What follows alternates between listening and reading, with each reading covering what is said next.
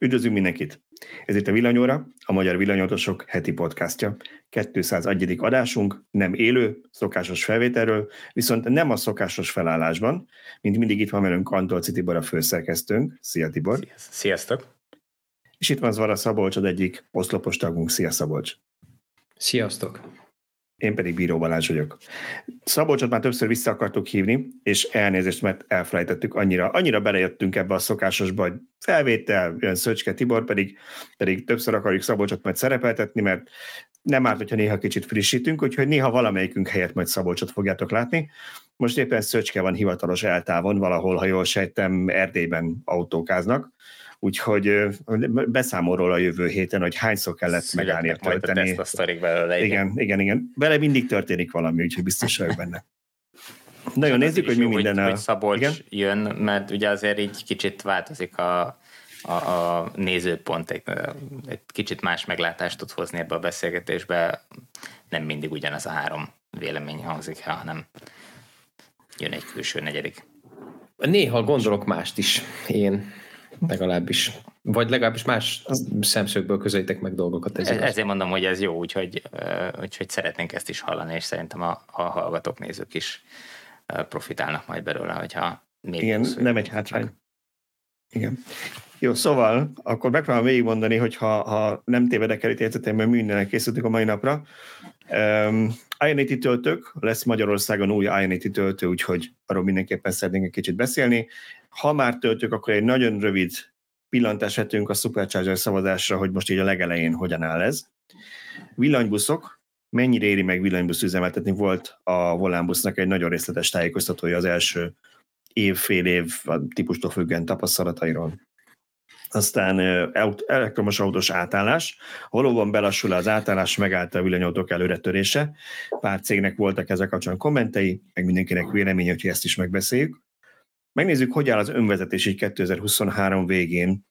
Volt pár hírünk az elmúlt héten erről, és szerintem lehet, hogy tudunk erről beszélni, én Tiborba bízom, mert ő mindig tud az önvezetésről valami, valamit mondani nekünk. És lesz egy-két kedv, csinálunk, Tibor tesztelt pár autót, és minek után múlt héten élőadásunk volt, így nem beszéltünk ezekről, de szerintem promózzuk ezeket, mert nagyon sok meló megy az ilyen tesztekbe, és szerintem jobb, hogyha minél többen olvassátok. Főleg, hogyha ezt a pár típust néztétek ki magatoknak. Na hát ennyi minden, és szerintem mielőtt elkezdünk, gyorsan nézzük meg a szponzorunknak a promóját, aztán kezdhetjük is a beszélgetést. A podcast támogatója az Opera Stragiese. Önmagáért beszél. Köszönjük szépen az Opera támogatását, és akkor csapjunk bele. Én azt mondanám, hogy nulladik kommentnek mielőtt, mielőtt bármit is megbeszélünk, Tibor berakott egy extra apró hirdetés rovatot a mai adásban, mert hogy ilyen még nem volt, tehát a 201 valami újat hozzunk már. Úgyhogy, hát Tibor, mit, mit szeretnél hirdetni? Mesélj! Igen, Balázs szemre vetette, hogy ez, amit én szeretnék, az a jófogáson kellene csinálni. Az a helyzet, hogy, hogy otthon van némi kis átalakítás nálunk, és lekerült a, az a töltő rendszer, amit én eddig használtam az elmúlt három-négy évben, nem is tudom mióta. Ez egy Smart LVS alapú rendszer, két autót képes egyszerre tölteni, figyeli a ház fogyasztását, és a, a ház, nálunk ez egy egyfázisú rendszer, mert egy fázis van a házban, de maga a rendszer azt tud három fázist is kezelni, hogyha, hogyha a kábeleket lecserél az ember három fázisúra. De lényeg az, hogy figyeli a ház fogyasztását, és a, a házban el nem használt áramerősséget osztja szét a két autó között, hogyha mind a két autó be van dugva, és és, és, és, és erre már nem lesz most szükségem, mert most két volti töltő fog felkerülni ezek helyére. Funkcionálisan ugyanezt tudja, annyi különbséggel, hogy egy picit okosabb a, a szoftvere, és távolról elérhető. A, a Smart LVS-nél nincs ilyen távol elérés funkció. Ez a Hát talán az egyetlen ilyen hátránya egyébként atomstabil, eddig minden autót, ami, ami nálam járt hibátlanul töltötte, megbízható, és ezt szeretném vagy ennek szeretnék új gazdát találni majd. Egy kis leírás majd össze fogok dobni róla, és benne lesz majd a, a, az adás leírásában a komment, vagy a, a linkek között, hogy hol találjátok meg ezt, hogyha valakit érdekel, valaki szeretne egy ilyen rendszert, akkor, akkor eladó. Volt még egy hirdetésed, mert hogy az inkább, inkább álláshirdetés ilyen is van. Állás, vagy, vagy, vagy igen, na a lényeg az, hogy szeretnénk megújulni, de már nagyon régen. Elkészült egy, egy design tervünk, hogy hogy kéne kinézni a villanyautósok.hu-nak, viszont hónapok óta nem találok megfelelő csapatot, embert, bárkit, aki, aki tudna segíteni nekünk a fejlesztésbe. Tehát egyszer szükségünk lenne valakire, aki, aki egy megtervezett designból tud HTML-t csinálni, illetve olyan valakire, aki, aki ebből egy WordPress sablon tud készíteni. Ez lenne az első kör. És utána lenne még uh, néhány funkcionális fejlesztés, tehát szükségünk lenne olyan programozóra, fejlesztőre, aki PHP-ban, WordPress plugin fejlesztésben otthon van, vagy ha nincs is otthon, mondjuk uh, most kezdi a programozást, vagy hát ha nem is most kezdi, de, de szeretne fejlődni ebbe az irányba, és hajlandó ezt megtanulni, és, és, uh, és rajong a villanyautókért, és segítene ebben nekünk, akkor, akkor nyilván ez sem akadály. Úgyhogy nyilván ezek nem, nem társadalmi munkában elvégzendő feladatok, hanem ezeket megfizetjük teljes, te, természetesen, tehát hogy bőven a szuperköszikből, meg az Opel szponzorból rá, úgyhogy természetesen ezekért fizetni szeretnénk, de de olyan valakire lenne szükségünk, aki, aki ezekhez ért, és aki ezeket, aki ezekben a technológiákban napra kész, és meg tudja nekünk záros határidőn belül oldani ezeket a problémákat. Erre szerintem majd szintén rakunk be linket a, az adás leírásba, és akkor ott meg fogjátok találni a részleteket, és tudtok jelentkezni rá, hogyha ha, ö, szeretnétek ebben részt venni ebben a munkában. Oké, okay. és ha már egy a szuperközöket említetted, akkor már múltkor az élőadásban rengetegen küldtek a szuperközit, és még egyszer nagyon köszönjük mindenkinek, aki támogatta azt a műsort. Volt két ember, aki még utána a felvételre küldött Jakab Hajdok László és Nagy Gábor, és természetesen nekik is szeretném megköszönni, hogy támogatták az adást.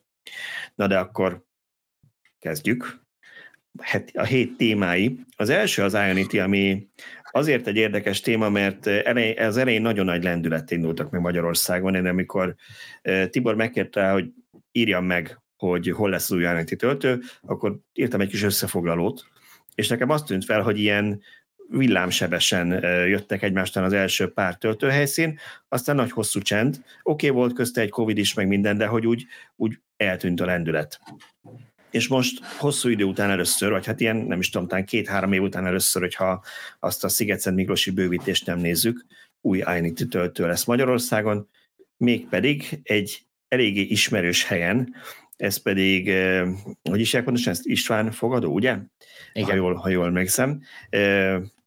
Sormáson. Sormáson, köszönöm szépen, pillanatnyi elmezavar és lélekjelölét kiesés volt szó, Sormáson, ahol nem csak a Tesla Superchargerekből van, azt hiszem, vagy tizen sok, kettő, azt hiszem, de Mobility-ből is van több, AC is, meg DC is, úgyhogy ha most oda lekerül négy darab ilyen hagyományos Ionity, és egy újfajta, az ötödik, ami ha jól tudom, két autót is tud egyszerre 200 kW-tal kiszolgálni, szóval, hogy 25 Ionity, akkor talán ez lesz Magyarország ilyen legnagyobb töltőközpontja. Hát lehet, van nagyobb, de, de az egyik legnagyobb mindenképpen.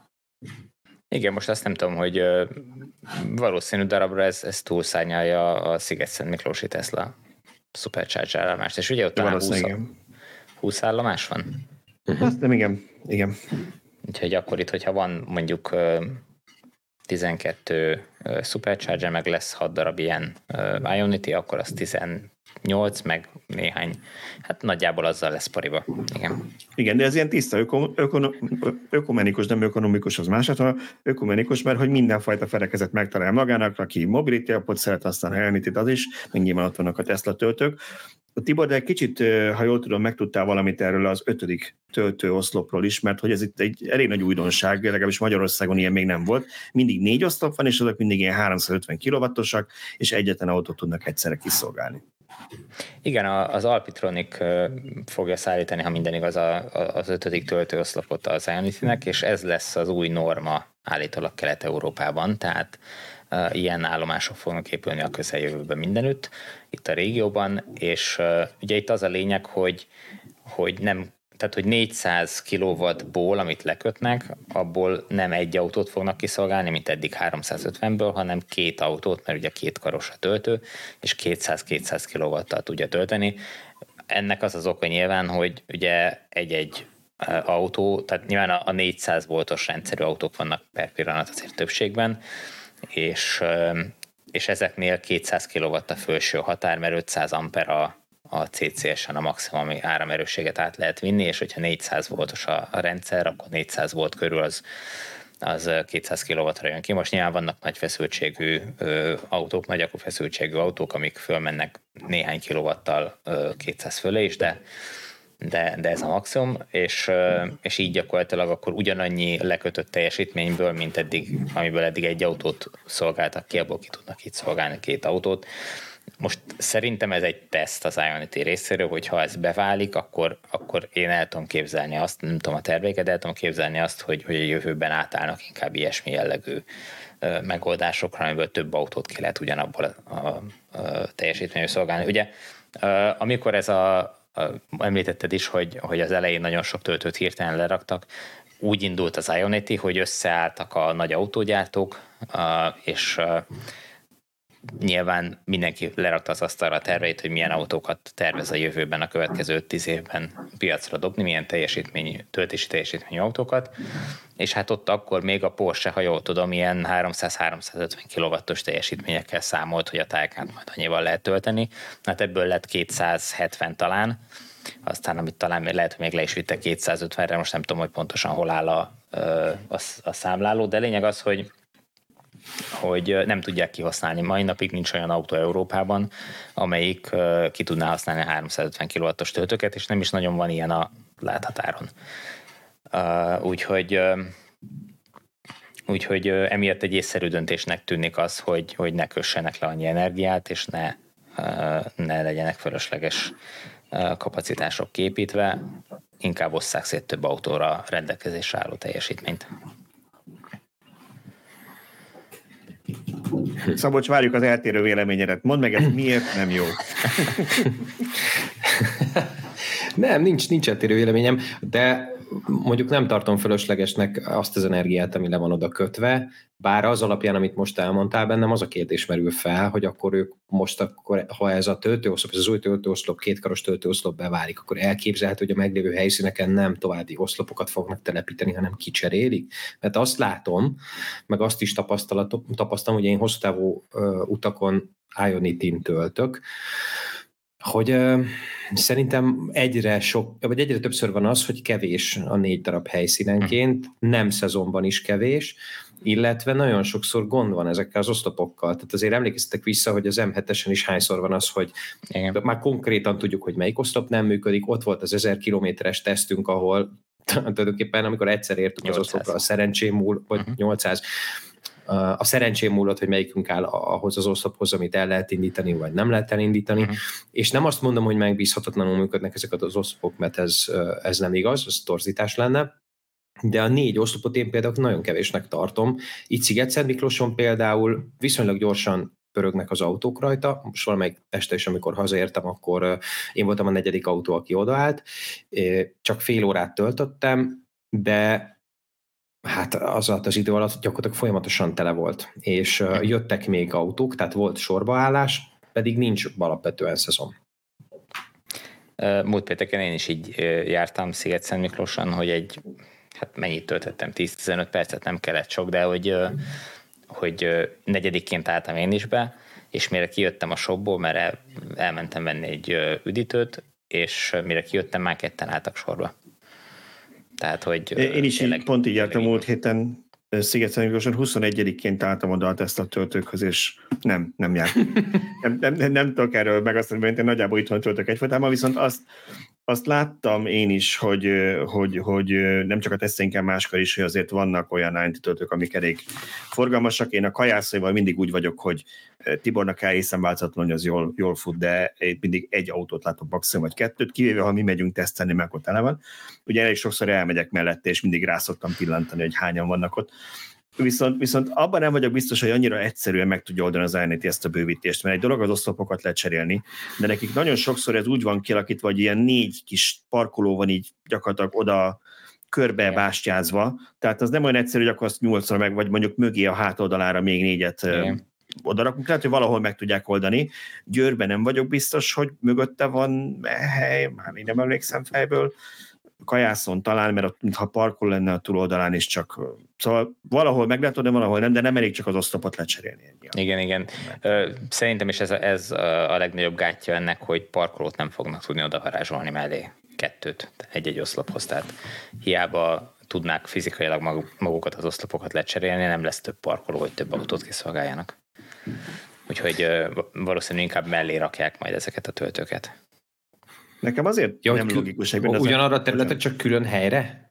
Hát hozzáadnak még, mit tudom én, a következő sorban még négy, vagy kettő, vagy akár hány parkolót, és akkor oda kikábelezik a, uh-huh. a mhm. töltőnek. Tehát, hogy uh, ahogy Balázs is mondta, ki van alakítva egy ilyen négyes blokk négy oszlophoz, nem gondoltak arra, hogy, hogy ezt majd ilyen formán lehessen bővíteni.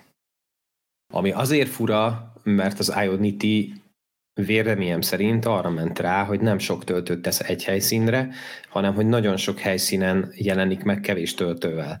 Tehát, hogy 2866 hmm. töltőjük van, 542 helyszínen, ezt hogyha elosztod, akkor az kijön, hogy az átlagos töltőszám 5,2. Nyilván van, ahol sokkal több van, nyilván van, ahol sokkal kevesebb, de például nálunk ugye szinte mindenhol kettő meg négy oszloppal indultak el, és tehát én tök laikus vagyok ebben a kérdésben, de azt gondolnám, hogy azért kötöttek le egy csomó helyszínt annak idején, hogy később, amikor majd, hiszen pont az autógyártók voltak azok, akik ugye ebbe investáltak, amikor majd azt gondolják, hogy itt majd 2030-tól, 35-től úgysem árulunk más csak villanyautókat, akkor, akkor ne kelljen ugye helyszínekért kuncsorogni, meg ne kelljen bővítésért kuncsorogni, ott legyenek a helyszínek, és lehessen ezeket bővíteni. De mégis egy csomónál azt látom, hogy bár az energia ott van lekötve, de mondjuk majd a parkolóhelyen lesznek megborulva. Szerintem amikor ők ezt az egész projektet elkezdték, akkor, akkor sokkal pessimistában látták a villanyautóknak a terjedését, mint ami tulajdonképpen a valóság lett. Tehát ők nem, nem hittek abban, hogy itt nagy mennyiségű villanyautó lesz, és meggyőződésem, hogy ezért van az, hogy nem azt csinálták, mint a Tesla, hogy eleve 8-10-12 töltővel indított, hanem, hanem ó, jó lesz, elég lesz az a négy, úgyse fogja senki se használni, mert nem lesz annyi autó. Tehát ők mind tudták, hogy hány autót fognak eladni, tehát a, a, a csoport tudta, hogy ők mennyi autót fognak piacra tudni, és hát nyilván azok alapján, a számok alapján ez jött ki, hogy ennyi töltőbőven elég lesz.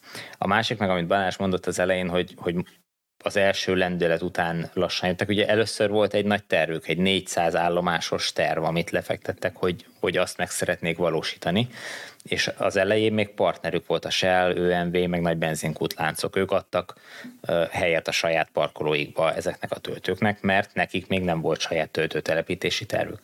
De azóta most már mindenki fölébredt, az ÖMV is elkezdett telepíteni, a Shell is elkezdett telepíteni töltőket, most már velük nem lehet így megállapodni, egy elnöti nem tud bemenni a, az üzemanyag töltő állomásokra, a hagyományos állomásokra, máshol kell parkolókat keresni, és ez nyilván már sokkal nehezebb, hiszen egyes parkolókkal egyenként kellett ülni, tárgyalni, nincs az, hogy a Shell központjába elmennek az európai központjába, és azt mondják, hogy erre a 20 helyszínre vagy 100 helyszínre akarunk telepíteni. Oké, okay, de akkor viszont az a, hát az autogyártók vonzóbbá tehetnék az Ionity-t akkor úgy, hogy akkor olcsón adják. Ugye nehéz úgy tárgyalni, hogyha valaminek 80 tulajdonosa van, akkor, akkor mindenkivel meg kell egyezni, de most mondok egy példát. A BMW is tulajdonos az Ionity-ban, mm. ugye? Meg a Ford is tulajdonos az Ionity-ban. Igen. És én nekem lejárt a kártyám, a Fordos kártyám, a automatikus előfizetés, amit ugye a Fordhoz kaptam, amikor megvettem, uh-huh. és elméletileg ugye az én autóm, ami akár lehetne egy ilyen USB is, az tudja az Ionity töltőkön a plug and charge-ot.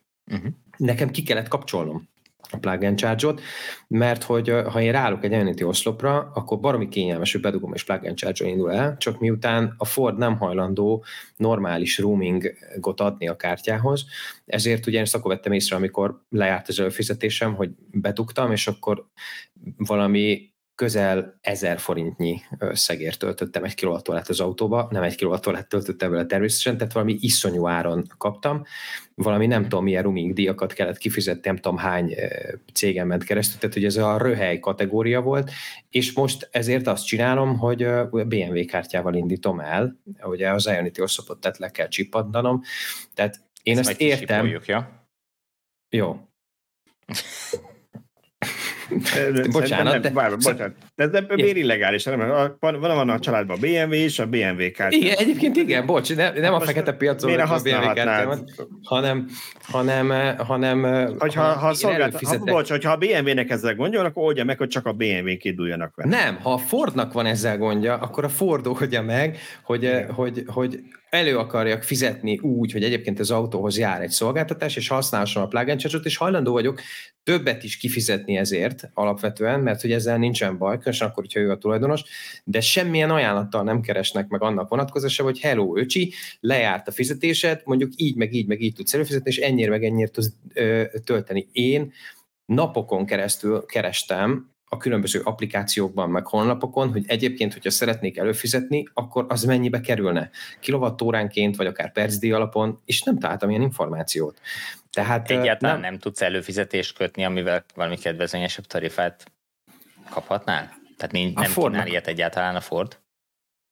De az applikáción keresztül elő tudok fizetni, de nem, nem tudom előre megmondani, hogy ez mennyibe fog kerülni, és milyen díjai vannak. Ugye egy éves díja van, de hogy egyébként utána mi történik, amikor egyébként a Ford alkalmazásba bekötött, vagy Ford hálózatba bekötött európai szinten, azt hiszem 300-350 ezer töltőnén, és ebben vannak ugye AC és DC töltők is, oda beállok, akkor ott egyébként milyen tarifa mellett fogok fizetni. Míg mondjuk más előfizetéseknél ez tök transzparens és átlátható. Tehát uh, itt nem csak azzal van a probléma, hogy, hogy uh, az autógyártók nem vették ezt. Én egyébként ezt se értem, hogy az autógyártók miért uh, miért nem vették komolyan. Úgy tudtam, hogy az autógyártók annyi autót adnak el, amennyit legyártanak. Tehát, hogyha ők egyszer azt mondják, hogy már pedig csak ezt fogjuk gyártani, akkor elvileg van a fejükben valahol egy terv. De ők ezt nem okozt... akarták. Tehát az elektromos nem átállást nem akarták. Tehát ők, ők nagyon sok gyártó abban reménykedett, hogy ez majd elmúlik, mint ahogy elmúlt az elmúlt hát, 120 évben, legalább 4-5 alkalommal. Meg ugye ez 35-re volt te, van tervezve ez a csak az fogunk, meg vagy kigyártanál 30-ra, de amikor az int elkezdték telepíteni, nem erről volt szó, vagy hát ez nem volt így ki, kimondva. Nekem az jutott eszembe, egyrészt eszembe jutott a régi vicca, tudjátok, hogy mi a teve, olyan ló, amit egy bizottság tervezett. Szóval ez jutott eszembe a sok tulajdonosos ionity is, de mondjuk az ionity van egy vezetése, tehát azért nem hiszem, hogy minden alkalommal, hogyha ők nem, valami Shell-től szeretnék telepíteni, vagy, vagy kúthoz, akkor minden végig kell kérdezni a BMW-t, a kiállt a mindenkit házon belül. Van egy külön Abszolút cég, nem. persze vannak tulajdonosai, de a cég dönt erről. Amit Tibor mondod, az, hogy ezek a hálózatok is közben, mint a Shell, meg az OMV, meg a többiek, elkezdték a saját töltőket telepíteni, és már nem annyira szívesen adják oda a jó helyeket az Ionity-nek. De, igen. De azt, ne, csak azt akartam még mondani, hogy nekem eleve nem volt logikus soha az ionity ez a hozzáállása, vagy ez a telepítési stratégiája, hogy 350-es oszlopokat tesz le, amelyek csak egy autót tudnak kiszolgálni. Én értem, hogy annó ez úgy indult, hogy a Porsche bejelentette, hogy neki jön a 350 kW-tal tölthető Taycan, ami a mai napig nem érkezett meg, nem mintha 270 kW nem lenne sok.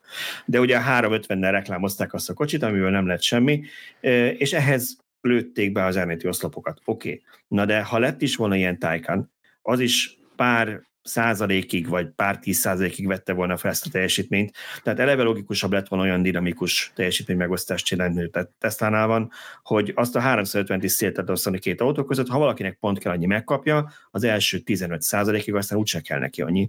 Úgyhogy kicsit rövidlátónak érzem ezt a megoldást, hozzátéve, hogy ők legalább ugye Szabolcs mondta, hogy hát kevés oszlopba indultak, azért a magyar szolgáltatókhoz képest, ahol ilyen egy-egy oszlopok voltak, vagy néha-néha kettő, Ez igaz. az a négy is bőven, bőven sok, mert hogy jó volt, hogy ennyit leraktak egyszerre. Igen, abszolút, hogyha nem lennének most az Ionity oszlopok, akkor, akkor sokkal-sokkal nehezebb lenne még Nyugat-Magyarországon is a közlekedés, tehát hogy ugyanaz lenne, mint keleten, vagy a keleti ország részben, hogy, hogy 50 kW-os töltőkön kell rostokolni a nagy akkumulátoros autókkal gyorsan tölteni. És onnan hiányzik is. Én ugye tegnap jöttem onnan Na, haza. Igen. Tehát, hogy nekem azért van kettős érzésem ezzel kapcsolatban az Ionity-val, mert szerintem igényes, szerintem tök jó, az ügyfélszolgáltat tök oké, okay, szükség is van rá, csak valamiért mégis az elmúlt három, két-három évben azt érzem, hogy megcsálták az elején, odapakolták magukat, és aztán azóta tulajdonképpen úgy annyira nagyon nem foglalkoznak vele, mint hogyha nem vennék ezt De dolgot. foglalkoznak vele, csak sokkal-sokkal nehezebb a dolgok már, mint akkor volt. Tehát, hogy, hogy mennek és kajtatnak a, a, az új helyszínek után, hogy letárgyalják az új helyszíneket, de sokkal nehezebb a dolgok. És ezt látom most már a Teslánál is. Tehát a Tesla is az első hullámban, amikor megállapodott az Osánnal, akkor vagy annak, a, annak még az eredményeit élvezheti most is az új telepítéseknél, de ha Osánon kívüli helyszínre kell menni, akkor vért izzadnak. Azért, hogy megtalálják a helyszínt, oda áramot vigyenek, ott mindent elintézzenek, tehát hogy, hogy sokkal-sokkal nehezebb lett a munka. És ugye most már nincs az Ionity-nek sem egy második hullámos, vagy legalábbis ha van is nem nyilvános, olyan nagy terve, mint az első volt, ez a 400 állomásos. Tehát nincs az, hogy oké, okay, akkor nem tudom, 2026-ra még 1200 állomást elérünk. Valami van, amit bejelentettek, de már az nem annyira határozott kerek történet, mint ami volt az elején.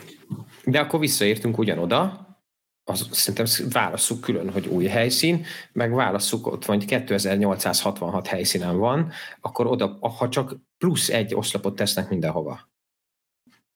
Hát, nem tudom, Ionity, Ionity nincs 2800 helyszínen. Bocsánat, töltő annyi van annyi, 540, 542 helyszínen van, Igen. de hogy csak mindegyikhez plusz, egy, plusz kettő oszlopot leraknak, és akkor nem kell új helyszín, az, az, az 1000, hát csak kérdés, 1100 hogy, töltő. Igen, ebbe teljesen igazán, csak kérdés, hogy ha, ha oda mennek a Shellhez, hogy, hogy igen, itt van már egy ilyen megállapodásunk, és még szeretnénk mellé rakni még két parkolót, akkor mit fog mondani a Shell? Azt mondja, hogy bocs, de mi már nem szeretnénk, vagy azt mondja, hogy hát ott van fiú, fessétek föl.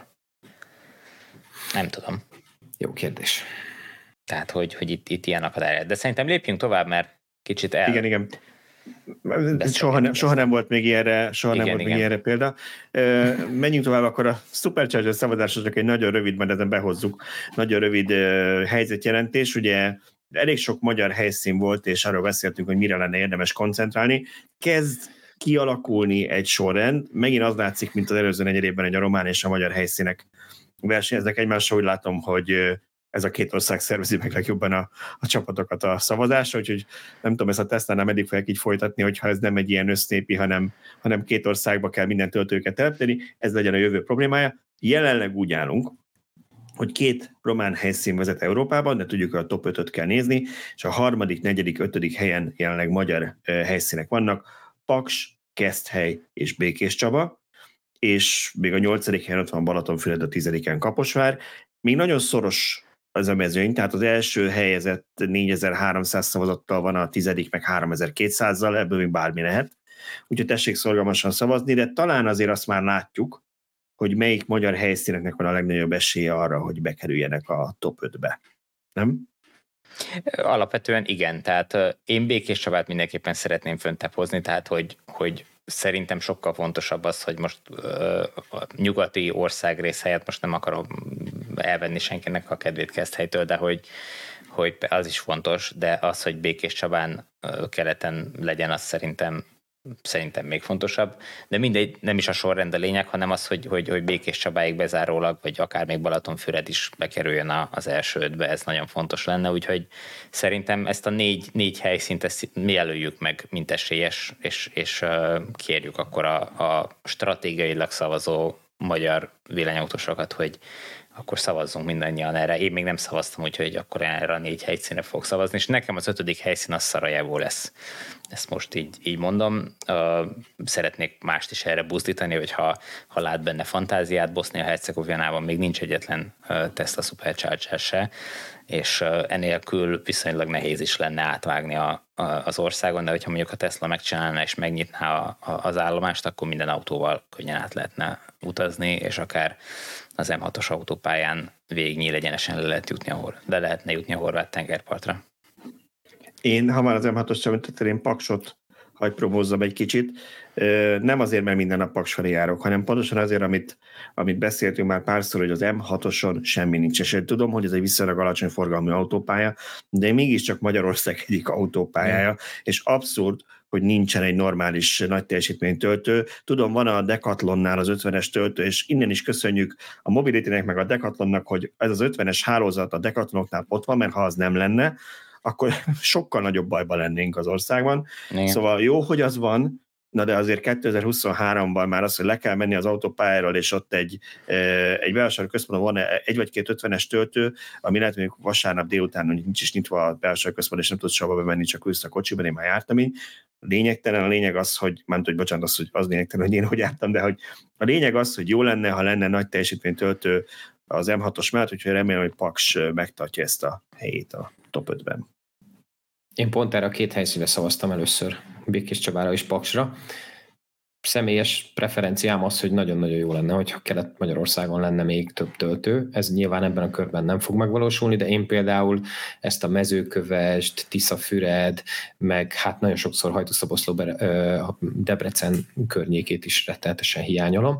Ugye én sokat járok arra, és óriási szerencsém van, hogy az esetek 98%-ában meg is tudok fordulni oda-vissza, vagy esetleg eljutok még Sziget-Szent Miklósig, de hogy ott szerintem abban a részben nagyon-nagyon kellene gyors töltő. Igen. Azért, ha ez a Kecskemét, meg a Szolnok, meg mezőköves volt, ugye, ami múltkor nyert, Igen. ez Igen. meg nagy Nyíregyháza, ha ezek megépülnek, nem azt mondom, tehát igazad van, Kelet-Magyarországra sokkal-sokkal több töltő kell, ezt innen üzenjük mindenkinek, és nem a Tesla feladata a magyar töltőhálózat kiépítése, úgy egyébként. Tehát, hogy más cég is nyugodtan aktivizálja magát.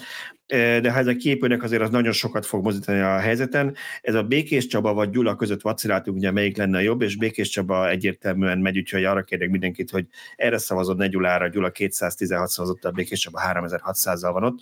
Próbáljuk meg Tony Békés Csabát, mert ez volt még az a sarok, ahova még hogyha szólnak, meg Kecskemét meg is épül, azért kisebb aksis autókkal problémás lehet, vagy hogyha mondjuk Romániában jössz nem biztos, hogy pont elérsz már Szolnokig, vagy, vagy Kecskemétre, vagy hogy pont arra akarnám menni egyáltalán. Úgyhogy reméljük, hogy meg, megépül ez is, és nagyon reméljük, hogy ezt elkezdi megnyitni a magyar töltőhálózatot, mert oké, okay, hogy a budapesti agglomerációban azért ki vannak használva ezek a töltők, vagy többnyire, de a többit nyugodtan meg lehetne most már nyitni, már tudnak végre Magyarországon számlázni, látják, hogy mennyire kihasználtak, vagy nem kihasználtak a töltők. Szerintem épít lenne az ide, hogy elkezdik megnyitni mások előtt is a magyar hálózatot is. Hát és tök jó, amit mondtál. Bocsánat, Tibor, csak annyit akartam gyorsan mondani, hogy ugye az előző adásban kérdezték többen, hogy akik stratégiailag szavaznak, azok hova szavazzanak, figyelembe véve akár azt is, hogy most nem Teslájuk van, de majd hát, ha egyszer a Tesla megnyitja más autóknak se töltőket. Ugyanúgy, amit Balázs mondott Gyula és Békés Csaba kapcsán, szerintem akik szexrádra vagy bajára adnák le a szavazataikat, azok is inkább akkor adják le Paksra, vagy pedig akik Veszprémben látnának szívesen, akkor inkább szavazzanak Balatonfüredre, mert ugye ezeknek még van esélyük ott maradni a top 5-ben. Igen, és a sose volt túl valószínű, hogy első körben, ha megépül Pécs, akkor mondjuk Szexádra fog rögtön rakni egy, egy töltőt a Tesla, úgyhogy szerintem ilyen szempontból Paks az jó helyen van. De akkor azt mondtam, hogy behozzuk ezen a témán a lemaradást, úgyhogy térjünk át a következőre, hogy másra is üssön idő, de csak a töltőkről beszéljünk, és a következő témánk az pedig a villanybuszok lesznek. Mindig egy kedvenc témánk, mert nem csak a személyautókról szeretünk beszélni, és bármennyire is igaz az, hogy egy busz elvisz, nem tudom én, száz embert, és az mennyivel jobb, mint száz autóba egyenként ülnek az emberek. Azért mégiscsak minden egyes alkalomkor egy busz elindul előttem, és fekete füst beborítja az autómat, eszembe jut, hogy mennyire ide lenne ezeket lecserélni.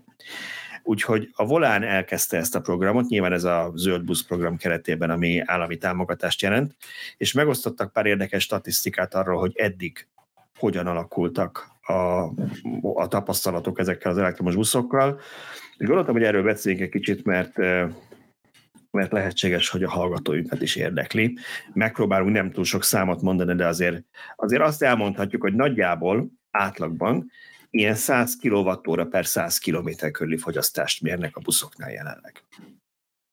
Sok kevés, mi a véleményetek róla, ez korrekt? Én nekem nem tűnt olyan vészesen soknak. Tehát, hogyha ha belegondolok, hogy, hogy mekkora nagy vasat kell mozgatni, mennyi emberrel a fedélzeten, akkor, akkor 100 kWh 100 kilométerenként az nem sok. Tehát, hogyha belegondolsz, hogy, hogy egy, egy, egy SUV is simán megeszik 20-22 kWh akkor miről beszélünk? Igen. Sőt, 30 Ugye kérdésem, igen, kérdésem, Hallottál ilyenről? Hát a tiéd, a te kocsid az áva eszik 20 kWh, meg se kell mozdulnia. De engem az lepett inkább meg a cikketben, hogy, hogy csak ilyen, tudom, hogy te azt hittad, hogy döbbenetes a különbség, de hogy csak ilyen 20% volt a különbség például az ilyen lejtős, dombos, lankás, nem tudom, környékhez képest mondjuk az Alföldön, és akkor volt ilyen 110 és 90 kWh között a fogyasztás. Hát az én kocsim simán, simán csinál ilyen 20 és 30 közötti fogyasztásokat attól függően, hogy merre megy. Tehát, hogy ezt, ezt a 20-30 kWh egy ekkora, ekkora vasnál én tökre nem tartom soknak. É, igen, hát alapvetően szerintem... Az alacsony sebesség lehet az oka, hogy nincsenek nagyobb különbségek. Igen, igen, tehát azt akarom hogy nem tudjuk, ezek városi vagy helyközi járatok-e csak, mert, mert azért valami városi forgalom, hogy ezek közül nyilván 40-50 nem megy a városban, ott nem fogod ezt annyira érezni, meg, meg, meg lehet, hogy típusonként is eltérő. A BYD-nál volt egyébként az eredeti cikkben, amit a Magyar Busz Infon találtunk, és köszönjük szépen ezután is az ő munkájukat, mert nagyon jól összefoglalták a, arról a szakmai konferenciáról, amit, amit hallottak. Szóval a lényeg az, hogy ott volt egy kicsit részletesebb adat, és a link megvan természetesen a mi írásunkban hozzájuk, akit ez mélyebben érdekel, hogy a BYD buszok között mekkora a különbség, mert ott, ott több városban is vannak ezekből a buszokból, és ott talán ez jobban látszik. Ott is egy ilyen 20% volt egyébként így a, a szórás, tehát nem, nem volt annyira vészes. Ami nekem még itt, még itt fontosnak tűnt így adatban, és aztán ígérem a, a többi az már inkább csak elméleti beszélgetés lesz, mint számok, hogy, hogy kaptunk valós ilyen átlagos hatótávokat is. Ugye mindig az a kifogás ezek ellen, hogy jó, jó, jó, de hát majd mennyi, majd minden megállóba 20 percet kell állni egy történet, hogy lehet tudod képzelni a hetes busznál. És mit látunk, hogy a legrosszabbul teljesítő elcitárok, ahol megjegyezték azért a Volán busztól, hogy nekik van talán a legkomplikáltabb, meg nehezebb, meg változásabb útvonaluk, ott ilyen 170 km volt, azért az már nem biztos, hogy egy napra kihúzza, hogy a busz, Viszont az Icaruszoknál, amiben CATL akuk vannak, és a BYD-nál, amiben meg persze BYD akuk vannak, mind a kettő LFP, akkor egyébként úgyhogy senkinek nem kell a kongói gyerekmunkásokért sírni, elég, hogyha a benzintankolásnál sír miattuk. 280 kilométeres hatótávot mérnek úgy átlagban a, a volánbusz szakemberei, ami szerintem főleg városi forgalomban elégnek kell, hogy legyen. Én azt hiányoltam, aztán nem tudom, nem néztem meg az eredeti cikket, hogy ott ez ki, mennyire volt kiemelve, de hogy, hogy ha jól rémlik, akkor az elcitárókat ilyen agglomerációs járatokra osztották be főleg. Nem, nem helyi járaton vannak. Ergo nyilván nagyobb átlagsebességgel mehetnek, meg nagyobb távokat tehetnek meg, és, és azban van a legkisebb akkumulátor, tehát hogyha megnézed az összes többit, Igen. tehát hogy ez valahogy Igen. így nem nem fair így a hatótávokat egymás mellé állítani, és azt mondani, ezt, hogy na, a Mercedes az csak ennyit tud. Nem, ezt, ezt ki is emelték, és ezt mi is megírtuk a, a mi uh-huh. változatunkban, vagy összefoglalónkban, hogy, hogy ez nem, nyilván ez nem lehet így egyértelműen összehasonlítani, mert nem ugyanazok az útvonalok. Nem ugyanazok az útvonalak, bocsánat, és valóban annak van a legkisebb akkumulátora ráadásul. Ez is igaz, azt nem tudom, hogy melyik busz egyébként mennyiért vették, mert mert azért a, Mercik, a Mercikről nagyon sokszor írtuk is, hogy csomó gond volt velük, függetlenül a, a elektromos hajtástól, minden egyéb mással is. Volt egyébként annó egy olyan, egy olyan hír, amikor arról volt szó, hogy mennyit, mennyit töltenek szervizben, meg, meg garázsban, és, és ez nagyon rossz volt az a szám. De a lényeg az, hogy, hogy nyilván azokkal a legtöbb tapasztalatban azok üzemelnek a legrégebb óta. Én ezért a BYD-ban azért bíznék, mert a BYD nem ma kezdte a buszgyártást, és Kínában már a sokadik generáció gyártják ezekből, tehát kiforrott termékek, amiket, amiket nálunk is üzembe helyeztek szerintem, és nekem nagyon tetszik, hogy a BYD-nál is, meg egyébként az Icarusnál, ami, ami nyilván én Székesváron, Fehérváron még fotóztam is, mert gondolom itt Fehérváron vagy környékén futott a 12 darab, ami van belőle, azok, abban is LFP akuk vannak csak a CATL-től, tehát ezek még inkább nyúzhatóak, meg, meg kisebb a környezeti lábnyomuk ilyen szempontból is. Volt itt még egy része viszont ennek, amiről szerintem picit beszélhetnénk, az, hogy anyagilag megéri ezeket a buszokat üzemeltetni, és én most attól a részéről eltekintenék, és inkább annyival kommentálnám, hogy a, a Volánbusz szerzőinek vagy, vagy szakembereinek az írói munkássága körébe sorolnám azt, hogy milyen sokba kerülne ez, ha nem lenne állami támogatás, mert ezt inkább én annak tudom be, hogy nagyon szeretnék, hogyha továbbra is lenne állami támogatás. De van, volt ennek egy olyan rész, hogy igazából mennyi a buszok üzemeltetésének a költsége, és azt látjuk, hogy egy dízelbusznál 15 évre számolták ki, a dízelbusznál 145 millió forintba kerül 15 évre a dízel üzemanyag költsége. Ez, ez egészen brutális szám. Jelenlegi áron számolva gondolom. Jelenlegi áron számolva, igen, igen, tehát itt ők 400 forintos gázra árral számoltak. Gondolom, hogy ők annyira vehetik, vagy nem 400? Tudom. 400 forint per liter gázolajára számoltak, igen. igen. Szerintem azon sokan tankolnának annyira.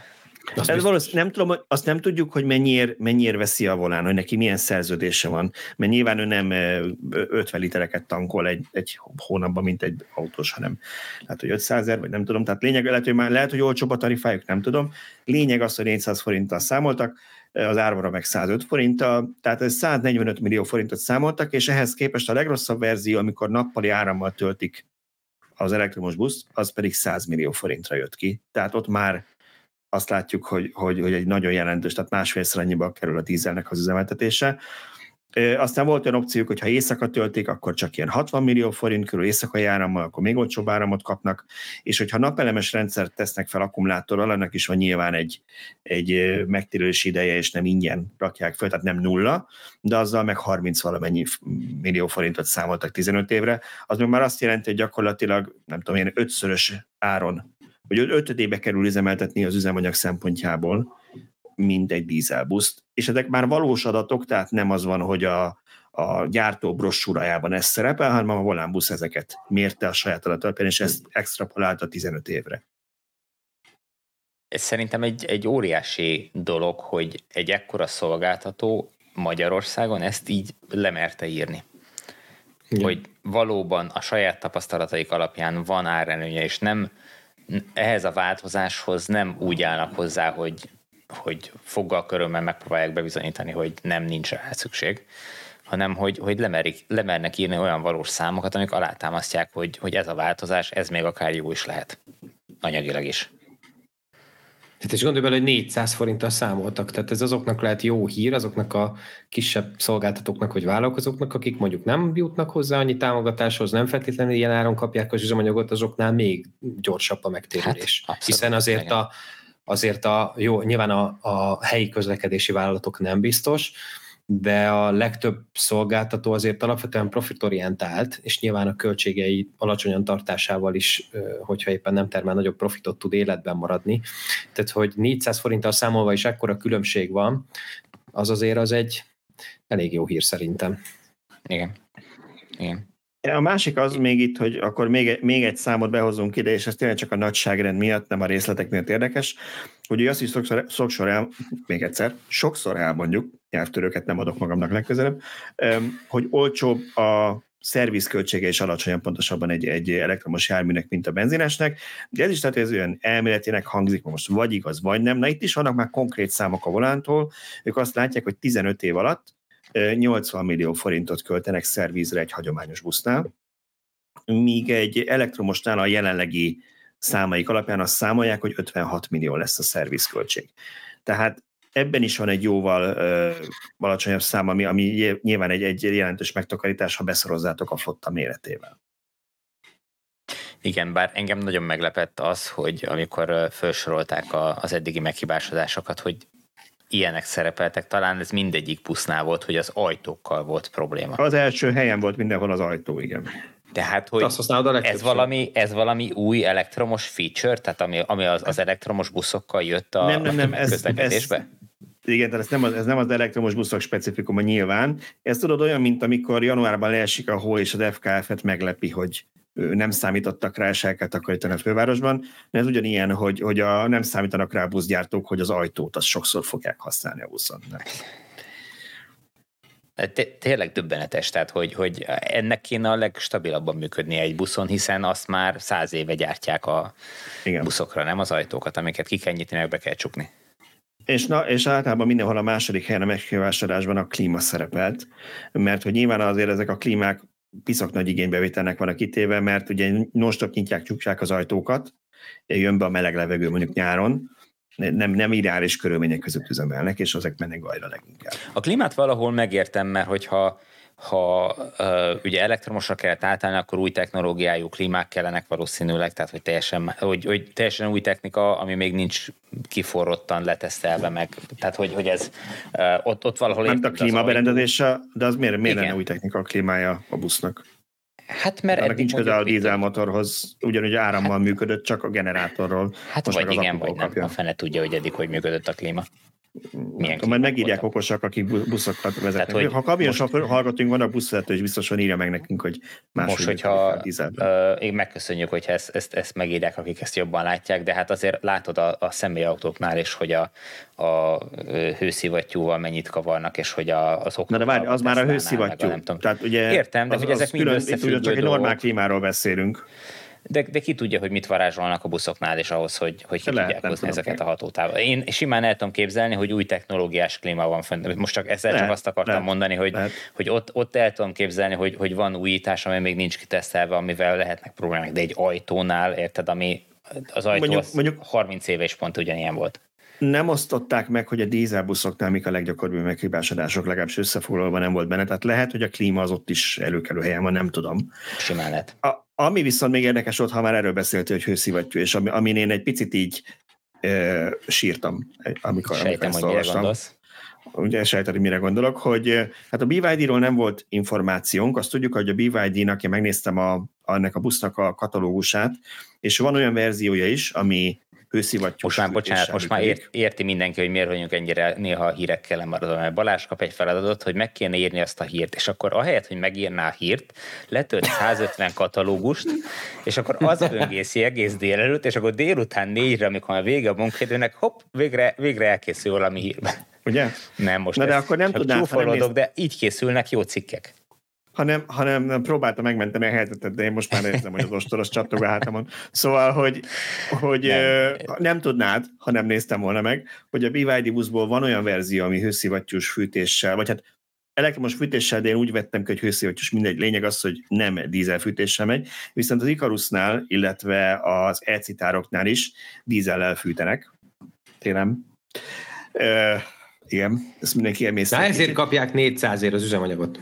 E, ugye, igen, és az elcitároknál egyébként ez volt még a másik fura, és lehet, hogy ez, ez is a, a, a, amiatt van, hogy ők hosszabb távokat mennek, nem tudom, hogy 6 lit, bocsánat, az elcitároknál csak 3 liter volt kb. a fogyasztás ennek a fűtésnek, lehet, hogy hosszabb távokon kevesebbet nyitogatják az ajtót, míg az ökoruszoknál 6 liter fölött volt a fogyasztás ennek a fűtésnek. Persze ki tudja ez mennyire hatékony dizájn, de valószínűleg egy városi forgalmat többször kell nyitni az ajtót, és jobban kihűl az utastér. Igen. Hát igen, szóval hogy ez, ezzel, ezzel komoly probléma, hogy, hogy, hogy igazán környezet, vagy környezet kímélő csak a, a, a nyári időszakban tud lenni, vagy esetleg a tavaszi-őszi időszakban, de télen ugyanúgy. Most lehet, hogy tök nagy hülyeséget kérdezek, de azt nem lehet szerintetek a buszoknál megoldani, amit az autóknál is, hogy hőérzetet csinálunk, tehát akár az üléseket elkezdjük fűteni, meg az összes korlátot, amit az emberek fognak? És akkor lehet csökkenteni mondjuk az utastér levegőjének a fűtését? Figyelj, minden, mindent meg lehet oldani. Mindent meg lehet oldani, igen. Mindent meg lehet oldani, biztos lehetne fű, fűtőszálakat vagy infrapaneleket is föltenni, de én gyanítom, hogy a hőszivattyú az annyira hatékony, hogy megoldja mm. ezt a problémát. Viszont, viszont a, a, annyira visszatérek, hogy nem maradjon a levegőben, rendezés Tibor, hogy ellentmondok vannak valaminek, amit, amit így adatszinten mondtál, de hogy mondtad, hogy ugyanúgy szennyez, azért nem ugyanúgy szennyez, mert Jó. azt láttuk, de várj, várj, várj, csak hogy mondjak valamit, hogy, hogy, hogy miért mondom ezt, mert hogy 38 literes fogyasztást adott meg a dízelbuszokra átlagban a volán, és ugye itt meg 6 meg 3 literekről beszélünk, amit, amit a fűtésre pazarolnak ezek a elektromos buszok. Az nyilván nagyságrendileg kevesebb, de hát írják már elő, hogy csak hőszivattyús fűtésű busz lehet az Istenit neki, ha már, ha már elektromosat vesznek, annyira gáz és ciki, és, és nem is az, azért van ez, mert, mert hát sajnos csak így lehet, mert nem csak így lehet megoldani. Igen, igen, abszolút egyetértek. Tehát, hogy, hogy nekem is ez a probléma, egy, egy nagyságrend különbség van, hogyha így jól számoltam, vagy, vagy jól értelmeztem az adatokat Igen. a kettő között, tehát hogy az nyilván nem elhanyagolható különbség, tehát sokkal-sokkal tisztább üzemű, meg hát nyáron, meg tavasszal ősszel, hogyha nem kell fűtést használni, akkor, akkor egyáltalán nem megy a dízelkájha. Na de hát pont télen, amikor a városok levegője az egyéb fűtések miatt egyébként is rossz, akkor még rádobunk a, a, a buszokból és ilyen dízelkája fűtéssel, mm, nem elegáns. És akkor nagyon visszafogott voltam. Igen, jó. Hát akkor e, erről a vidám témáról. Nagyon sikerült. Annyira jó, hogy volt egy jó hírünk, nem? Arról, hogy elektromos buszok mennyivel olcsóbb üzemeltetni őket. És azt még el sem mondtam, hogy a, hogy a volánbusz, a volánbusz valami 400 valamennyit akar belőlük még venni, ami tök jó hangzik, hogy még nem tudod, hogy 6, 6000 darabos buszflottájuk van, és akkor ez a 400 a következő pár év, vagy majdnem 500, már nem is tűnik olyan soknak következő három évre. De a lényeg az, hogy, hogy lesz belőle több, meg olcsóbb üzemeltetni, meg, meg tisztán üzemelnek, aztán nagyon vágtuk azzal, hogy milyen dízelkájával. Tehát akkor, akkor most így gyors fejszámolás alapján 20, ilyen 25-30 év alatt cserélődne le? Nem, nem tudok erre mit mondani. Borza, tehát igen, ha, ha pessimistán nézzük, borzasztóan kevés ez a jövőre 20 darab, 20 egész darab busz fog érkezni, utána valami 200 sok, tehát lesz egy nagyobb hullám, aztán meg 95. Én nagyon remélem, hogyha tényleg ez a, azt valaki segítsen már, aki többet olvassa az oldalunkat, mint én, mert nincs mindig időm, hogy, hogy a BYD buszok az ugye majd csak lesz, hogy Szegeden szerelik össze, vagy már ott működik is valami összeszerelő üzem. Én nem tudok róla, hogy működne üzem. Nem. Igen, de valami olyasmi volt a hír nemrég, ugye, hogy aztán mi is megírtuk, hogy jön oda egy. Ezt mi nem, nem írtunk ilyet szerintem. Én úgy emlékszem, hogy valahol, még Szöcske is említette talán az élőadásban, hogy lesz valamilyen. Lehet, hogy megálmodtam csak előre, de hogy valami, valami mintha lenne arról, hogy jön egy, egy BYD. Nem tudom, de én, én nem tudok róla, hogy ez lenne. Egyelőre még csak Komáromba szerelnek össze.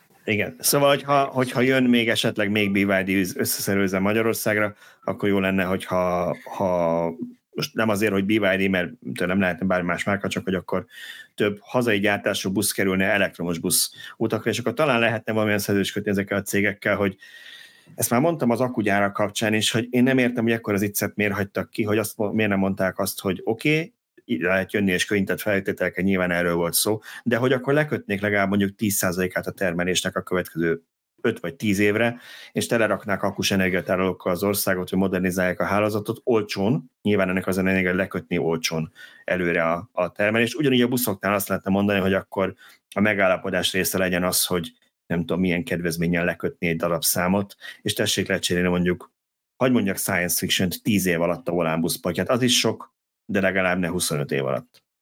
Um, Alapvetően jó hangzik ez a gondolat, de mi van akkor, hogyha ha most így a, a, az üzem, akár egy akugyár, akár egy busz összeszerelő üzem telepítésekor, vagy, vagy leszerződésekor, meg, megtámogatásakor belemegy az állam egy, egy látszólag jó, de mondjuk hosszú távon meg rossz délbe és mondjuk tíz év múlva, vagy a, mit tudom, a hatodik évtől kezdve sokkal drágában kapjuk így a busz, mint hogyha a piacról szerezné be a, a volánbusz. Tehát, hogy... Ez, azért ezt ki lehet védeni, ezt ugye a Kínában a, a múltkor írtunk erről, a, az akugyártók és az autógyártók szerződéseiből annyi kiderült, hogy ezekben vannak olyan záradékok, hogy bizonyos piaci ármozgások fölött ezt már kompenzálni kell, és ezért van az, hogy most a CATL-nek olcsóbban kell kezdeni adni az akkumulátorokat azoknak a partnerek is, akik, akik hosszú távú szerződés van, mert annyira lecsökkent az alapanyagok ára, hogy már átlépte ezt a határt.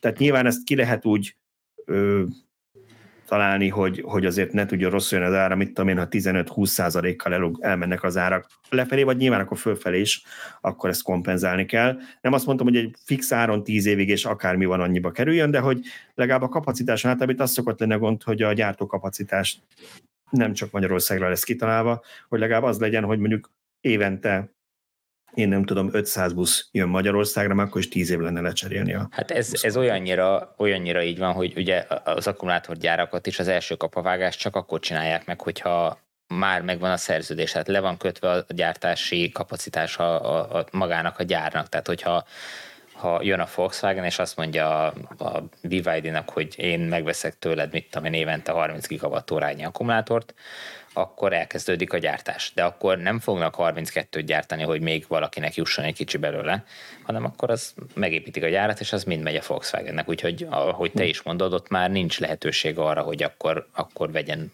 mondjuk, mit tudom én, a magyar államszolgáltatók a napelemes túl termelés eltárolásához, akkor, akkor beépítsenek akkumulátort, akkor azt ők a piacról kell megvegyék. Nem tudnak közvetlenül így beszerezni. Miközben az elmúlt három percben úgy éreztem magam, mint valami mesébe. hogy, hogy így mióta van ebben a, ebben a kategóriában egyáltalán nálunk verseny. Mert hogy amit mondtál... Új vagy még itt látod. Mi szoktunk álmodni. De, de hogy így, álmodni. Mert, tök, mert tök, nem, nem tudok belekötni abba, amit mondtál Tibor, tehát hogy ez tényleg így van, de hogy egyébként ez itt érdekel bárkit. Hogy hát- ennyibe kerül. Tehát, Nekem vannak. De egyébként, sőt, hát, ha, ha profinát akarnám kötni, akkor a Palástól kérdezném, hogy egyébként meg nem mindegy, mennyi dal cserélődnek, mert akkor úgyse kell senkinek a villany. Ugye? Ugye? Igen, ez, ez, ez egy remek átletes a témánkra, hogy ne ugye nem kell senkinek a villanyautó. Nyom, nyomom a B betűt, igen.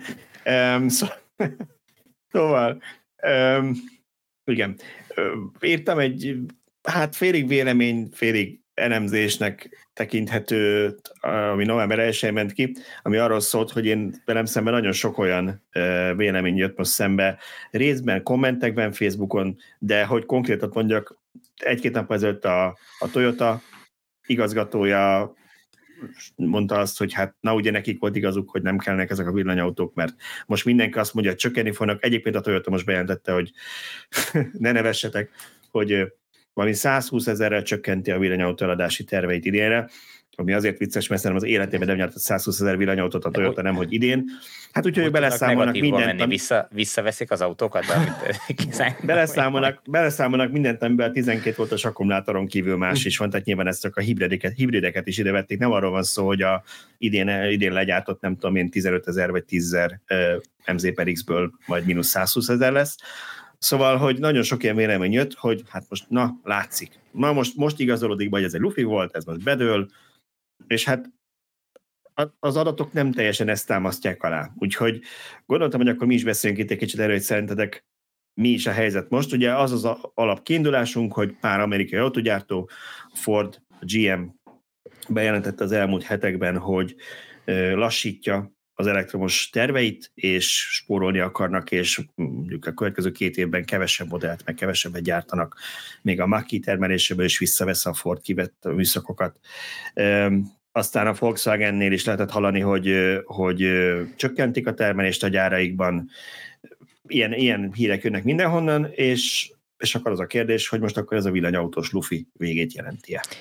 Nekem egy dolog hiányzott nagyon a mi hírünkből is, meg úgy általában az összes ilyen sztoriból, ami a neten kering, meg a, a, a privát beszélgetésekből is, hogy oké, okay, hogy csökkent a, a kereslet a villanyautók iránt, de mi a helyzet a nem villanyautók kapcsán? Tehát, hogy ott mennyivel nőtt vagy csökkent a, a, a vásárlók kedv, vagy vásárlási kedv? Erről van. Ugye a mi hírünkben azért, hát a mi hírünkben az annyi benne volt, hogy, mert ugye való tegyek, hogy része az általános autópiaci trendek vannak most, és nem, nem villanyautó specifikus.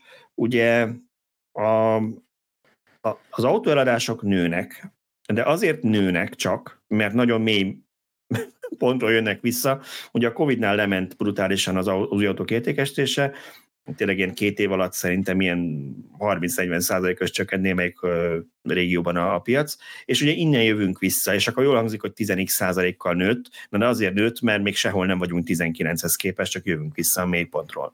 Viszont ugye azt nagyon sok helyről halljuk már egy jó éve, és most már azért első kézből is vannak erről információk, nem csak külföldi médiumokból, hanem mi is hallottunk ilyeneket magyar képviseletektől, hogy elfogynak az autóvásárlók, nem villanyautó, autóvásárlók, Először a magánszemélyek kezdtek el tűnni, aztán most már a cégek, ami nem azt jelenti, hogy nulla, de például a Német Autó Forgalmazók Szövetsége pár hónappal ezelőtt már 27%-os visszaesést mért az idei év első fél évében, mert nagyon magasak a hitelkamatok, közben nagyon magas az infláció is, tehát az embereknek kevesebb elkölthető pénzük van, azt ráadásul magasabb kamatokon kéne visszafizetni a hitelt utána, és ezért egyre kevesebben vesznek autót. Tehát van egy ilyen alaptrend, ami nyilván a villanyautókat is érinti.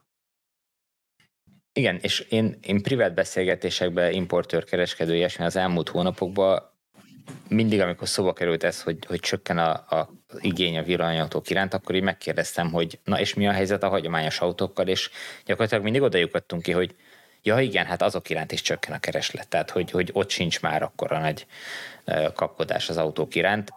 Százalékokat nyilván nem nagyon mondtak, tehát hogy nem, nem osztottak meg annyira részleteket, de én, én inkább azt látom, hogy, hogy ez a ez a pénzügyi gond, amiket említettél, hogy, hogy infláció, meg magas kamat, meg ilyesmi, meg hogy az embereknek másra inkább, vagy másra költenek inkább, ez, ez nem csak a villanyautó specifikus, tehát akkor nem vesznek másmilyen autót sem.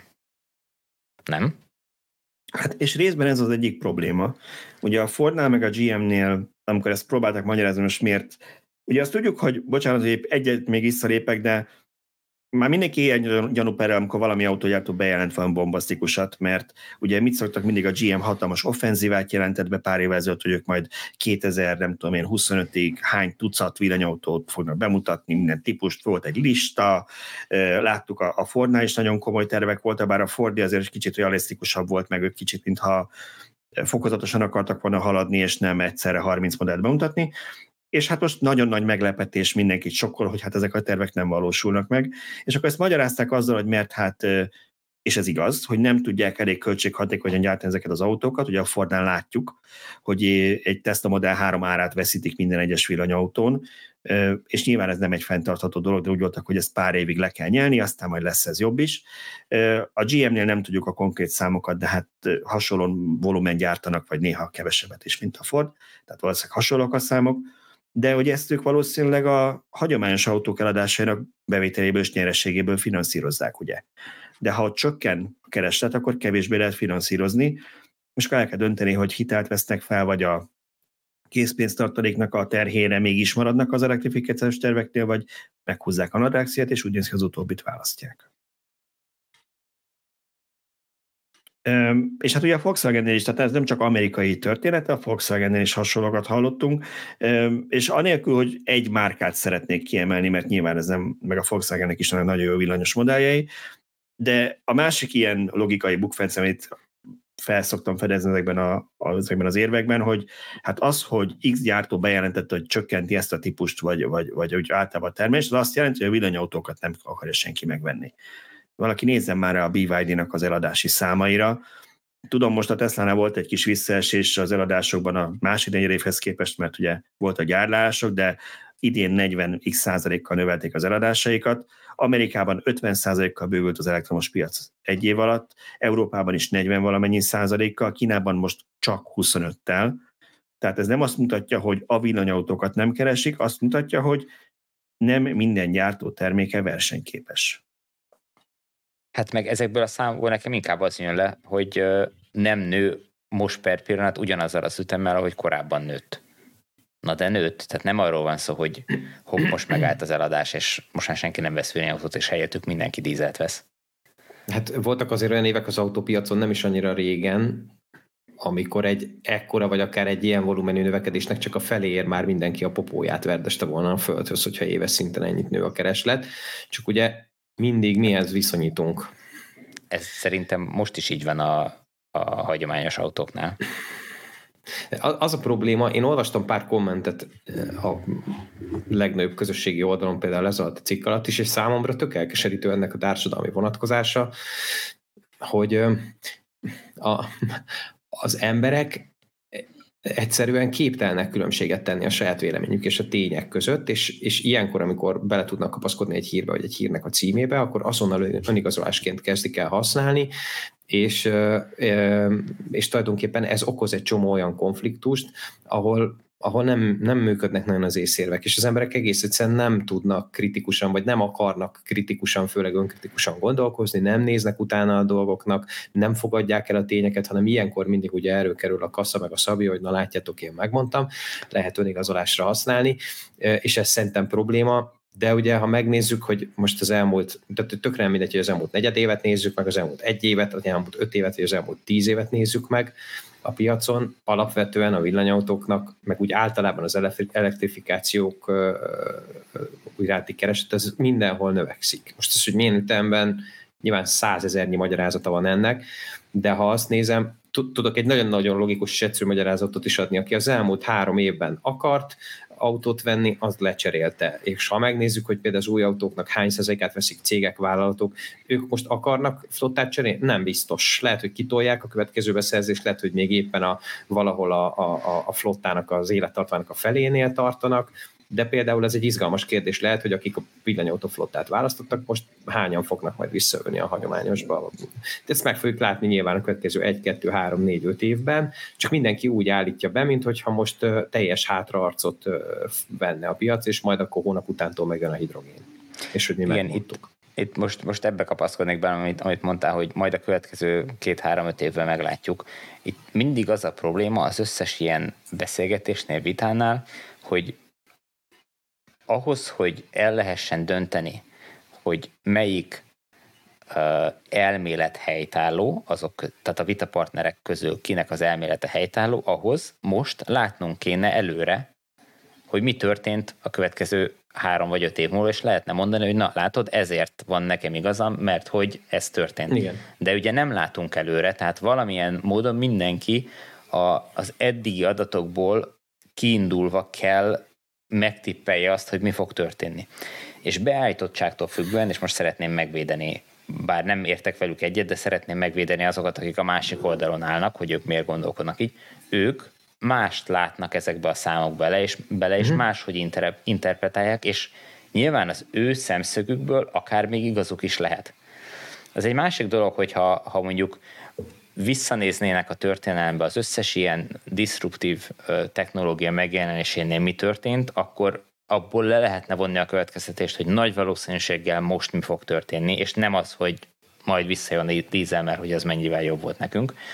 Tehát, hogy a mi véleményünk ez, mert mi ezt látjuk, mi ebbe élünk, és mi ennek valamilyen formában szurkolunk is, de aki meg a másik oldalon áll, ő meg, ő meg ezt nem tudja elfogadni, és mindenben megkapaszkodik, és, és azokból a számokból, amik mi, mi a változást olvassuk ki, ő a, a stagnálást, a visszaesést látja, és a saját szemszögéből akár még igaza is lehet. Igen, csak ez, értem, mit mondasz, de, de ez nem egy, tehát ez a, erre mondják azt, hogy hinni a templomban kell. Szóval, hogy itt azért adatok vannak. És de amikor számok, azt látod, hogy ne, 40%-kal bővül az elektromos autó, de amikor 40%-kal bővül az elektromos autók eladása, arra hogy lehet azt mondani, hogy visszaesik ez a piac? Lehet, hogy korábban 60-nal nőtt, de az nem azt jelenti, hogy a 40 az Na, kevés. De úgy, hogy Igen, közben a másik oldalon azt látod, hogy ott meg mondjuk Kínát nézve, hogy 8%-kal nőtt az autópiac, 25 az elektromos. Most akkor miről beszélünk? Ebben teljesen igazad van, de, de ő már azt a, azt a, azt a görbét, ami a 60-ról leesett 40-re, azt ő már, már meghosszabbítja, hogy mert hogy az biztos úgy fog a következő hónapokban folytatódni, meg negyedévekben, hogy az 20-ra, meg 10-re, meg 5-re fog leesni. Most nyilván extrém, amit mondok, nyilván ő se így gondolja feltétlen, de hogy valami hasonló, hasonlót próbál belelátni, és ő azokat a számokat, tehát ő nem a, ő mindig mindenki csak akkora szeletét látja ezeknek az idősoroknak, amekkora az ő elméletének az alátámasztásához szükséges. Ez így van. Tehát, hogy ez, mindenki így gondolkodik, azokat emeli ki, azokat rakja sorba, amik, amik az ő, ő hipotézisét alá fogják támasztani. Hát ez a, ez a mond. És, és, és ez csak három-öt év múlva fog kiderülni a mostani állításokról, hogy kinek volt igaza, de ennél sokkal rosszabb, hogy nagyon sok olyan kritikus van, aki igazából nem állít semmit. Csak kételyeket támaszt.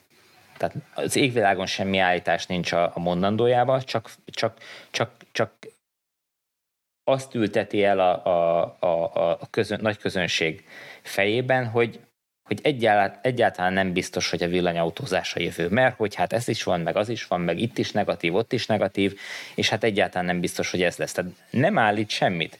És hogyha ha öt év visszanézünk és elővesszük a, a, a pont mivel nem állít semmit, nem mondhatom, hogy az állításait, de hogy a, a, a kinyilatkozásait, vagy a, ezeket a, a jóslatokat, akkor még csak jóslatnak se nevezném, ahhoz is ö, kevesek ezek többnyire, hogy, hogy, ö, hogy akkor nem tudsz kiragadni, hogy na, látod, ebbe se volt igazat, mert nem mondott semmit.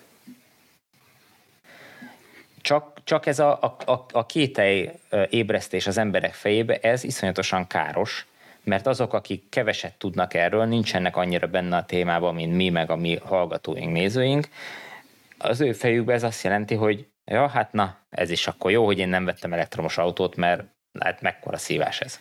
És itt jön be a kognitív diszonancia, hogy ő ebből el fog kezdeni egy tényt csinálni, és ugye az emberek úgy működnek, hogyha egy, ül egy baráti társaságban mondjuk minden pénteken is sörözik, és ott minden pénteken azt mondja egy bizonyos márka, egy bizonyos termékéről, legyen ez mondjuk egy mobiltelefon, tök mindegy, hogy az rossz, és az, és az hülyeség, és, az, és mindig mi, folyamatosan minden gondolat mentében ez benne van.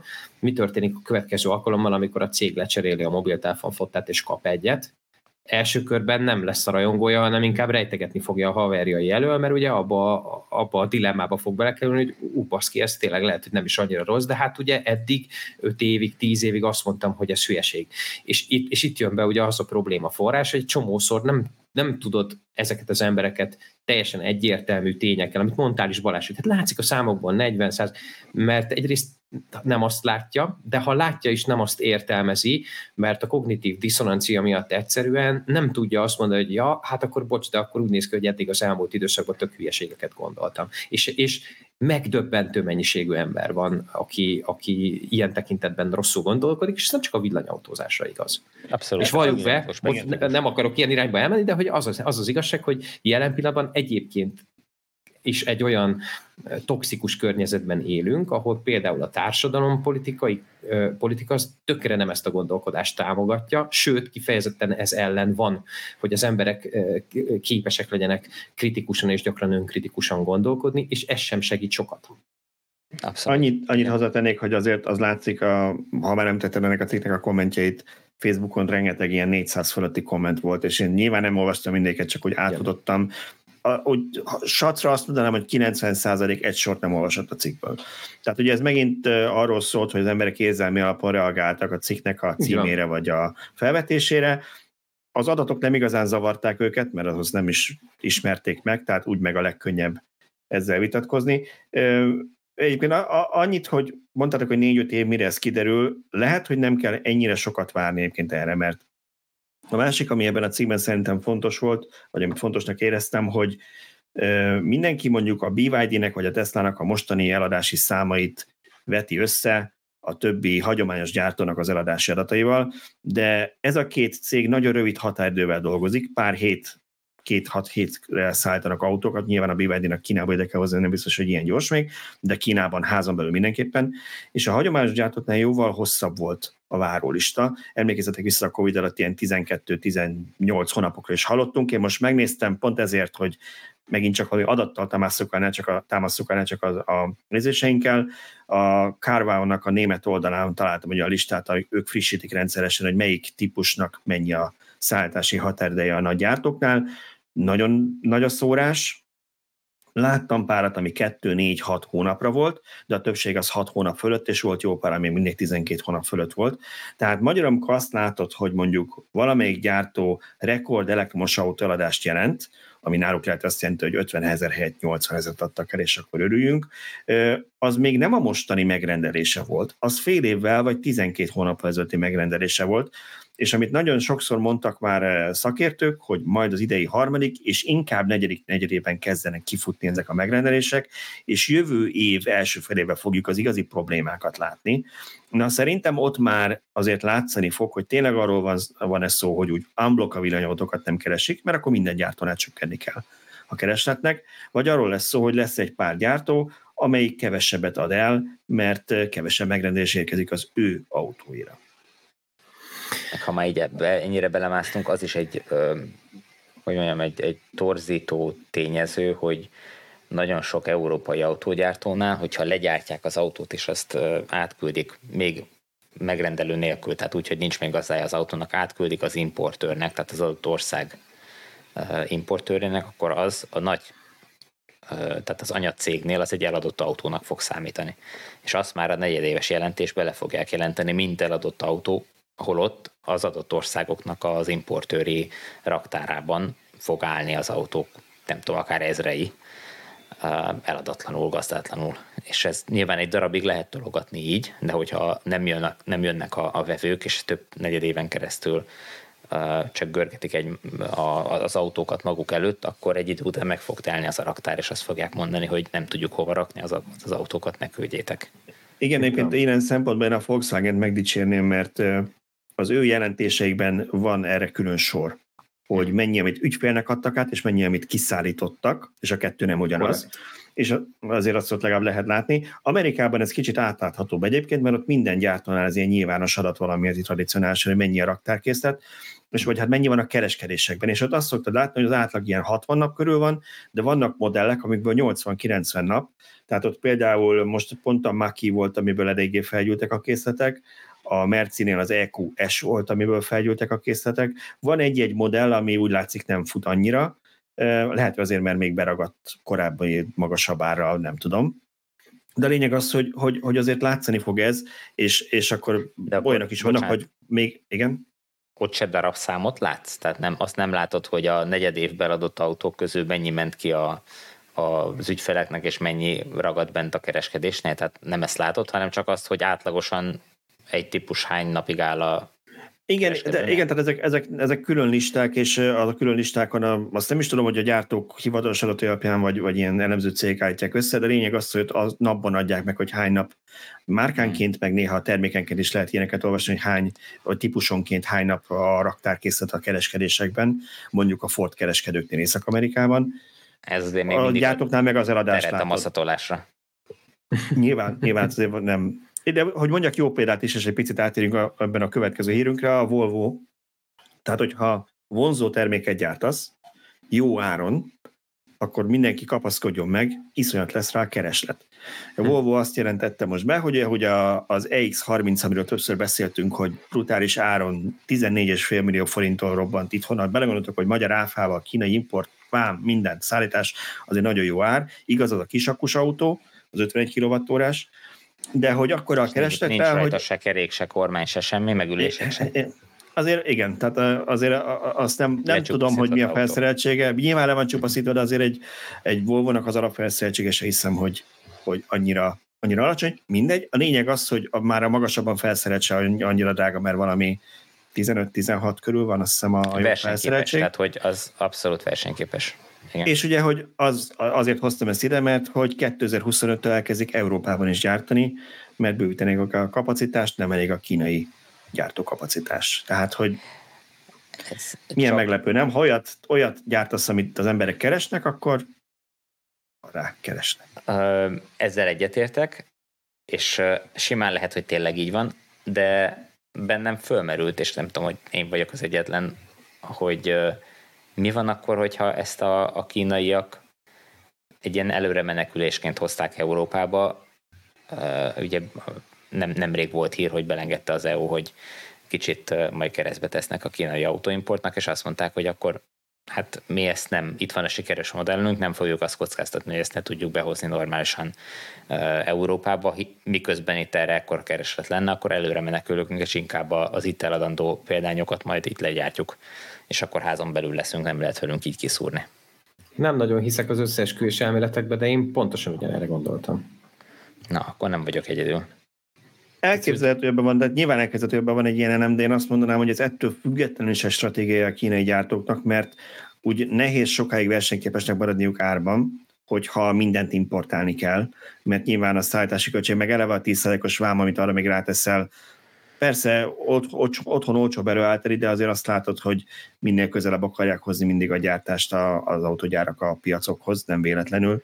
Szóval szerintem ez ettől független folyamat is olyan szempontból mindenképp, hogy nem egy nap alatt döntik el, hogy akkor, akkor hónaptól valahol valamit gyártunk.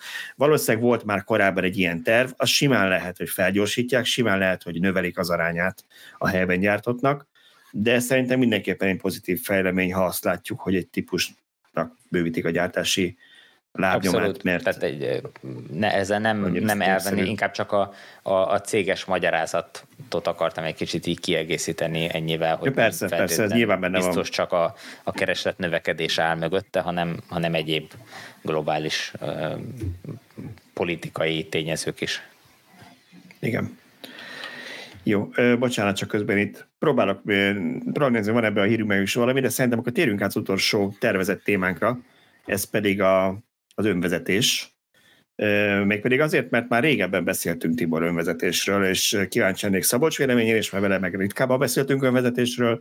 Az apropó az két frissnek tűnő hír, gondoltam, hogy ezzel ütném fel, aztán majd meglátjuk, merre megy a beszélgetés, de hogy két hírünk volt, ami így az önvezetés állapotára lehet, vagy az irányára lehet indikáció. Az egyik ez a General Motorshoz tartozó Cruise-nak az amerikai problémái, a robotaxék kapcsán. Ugye most le kell állítaniuk a működését, most már nem csak San Francisco-ban, nem teljes országban mindenhol állították a, a vezető nélküli működést, vezetőkkel, sofőrökkel mennek az autók, mert hogy volt egy elég csúnya baleset Amerikában, amit nem, nem a robotaxi okozott, egy figyelmetlen autós okozott, elütött valakit, és ahogy elütötte a szerencsétlen gyalogost, átdobta egy arra közlekedő robotaxira, amelyik pedig átment rajta, majd megállt, tehát idáig még jók vagyunk, már nem az, hogy átment rajta, mert nyilván vészfékezett, de hogy megállt, csak hogy ezek után az autó, hát most, hogy a táv, távol irányító ö, ö, operátor miatt, ezt nem tudjuk, hogy így van leprogramozva, de úgy döntött, hogy akkor félreáll, hogy ne zavarjon senkit, és miközben félreállt, még egy 20 méteren keresztül kurcibálta maga alatt a szerencsétlen gyalogost, aki úgy tudjuk túlélte, de nyilván súlyos sérülésekkel nem örült neki, hogy még egy autó elütött, és az még maga alatt maga vitte is. Az a kérdés, kezdjük akkor ezzel, hogy szerintetek mennyire kell felkészülnünk hasonló esetekre a robotaxik megjelenése, fejlesztése, színre lépése kapcsán, vagy ez, ez kivéthető lenne teljesen, és, és inkább a, a Cruise hibázott nagyot. Szabolcs? Hát szerintem nem jutunk el soha abba az állapotba, hogy ezek kivéthetőek legyenek. Tehát nem lehet elvárni az emberektől, és így a mérnököktől sem bármennyire is okosak, hogy olyan helyzetekre előre gondoljanak, aminek a valószínűsége az megbecsülhetetlenül kevés. Um, nyilván ez egy borzasztó dolog, hogy ilyen egyáltalán megtörténik, de megtörténik, és most ez ugyanolyan dolog, hogy honnan közelítjük meg. A repülőgép szerencsétlenségekből is mindig tanulnak, ugye mind a gyártók, mind pedig ugye a programozók, és hogyha ezt megfordítom, akkor lehet, hogy nagyon elrettentően hangzik, de azt kell mondjam mérnöki szempontból, hogy meg is kell történnie ahhoz, hogy egyébként olyan dolgokra felhívja a figyelmet, hogy ebből aztán később lehessen egy e, biztonságosabb rendszert csinálni. Tehát szerintem ketté kell, vagy külön kell választani ezt a kérdést, meg kell nézni egyfelől ugye itt az emberi viselkedésnek az oldaláról, ami ugye benne is van a hírben, hogy hogyan reagáltak erre, és akkor hogyan jöttek be ugye ebbe az különböző olyan aspektusok, szempontok, amiért azt gondolom, hogy a cég megérdemli az ennyi és meg kell vizsgálni azt, hogy akkor, hogy akkor most itt megint ott vagyunk, mint amiről az előbb beszéltünk, hogy akkor önigazolásként ki lehet-e kiáltani azt, hogy na hát ennyit az önvezető rendszerekről, és akkor ezek bénák, ezek rosszak. Én a saját példámból látom, pedig az én autómban csak level 2-es van, hogy amikor beülök egy olyan autóba, ami, amiben nincs ennyi vezetés támogató rendszer, akkor mennyire tudok néha bénázni, akár csak pattogva a sávok között, meg, meg különböző dolgokat, mert hogy mennyire érzékelem azt, hogy támogatja a vezetésemet, de sosem tekintek erre úgy, hogy az autó helyettem vezet. Úgyhogy én nekem az a véleményem erről, és én azt gondolom, hogy kell továbbfejleszteni a balesetek ellenére. Nyilván mindent meg kell tenni annak érdekében, hogy ilyenek ne forduljanak elő. Én egy kicsit erősnek tartom azt, hogy hogy tulajdonképpen az is egy emberi hiba, hogy a mérnök nem gondolt arra, hogy egyébként ilyenkor, ilyen esetben megálljon az autó. Én nem azt mondom, hogy ez egy megbocsátható dolog, de el, vajon elvárásként meg lehet-e fogalmazni egy, egy embernek, hogy olyan dolgokra is gondolja, aminek a realitása az lényegében elenyésző, mert az már szerintem inkább a science fiction kategória, de nagyon-nagyon támogatom, hogy fejleszék ezeket a rendszereket, és azt is támogatom, hogy ha megbüntetnek például egy ilyen céget, akkor azt ne azért büntessék meg, mert hogy az önvezető rendszer adott esetben hibázott, vagy nem volt a kód sorban valami, amit egyébként ki lehet javítani, hanem sokkal inkább a hozzáállásáért és az együttműködésének a hiányáért büntessék meg.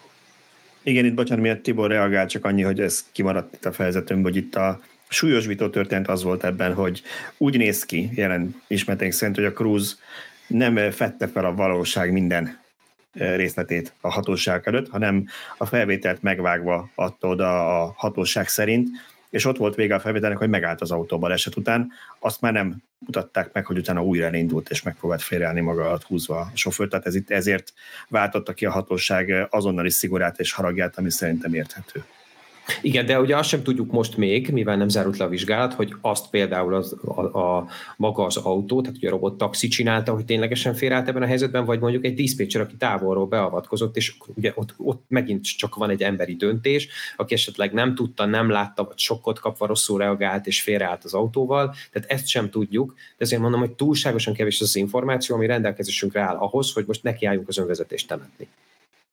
Igen, ez abszolút feltételezés részemről, de én is azt gondolom, hogy nagy valószínűséggel valami emberi beavatkozás volt, és annak a hibának a megtörténtét akarták elfedni azzal, hogy nem a teljes anyagot adták át.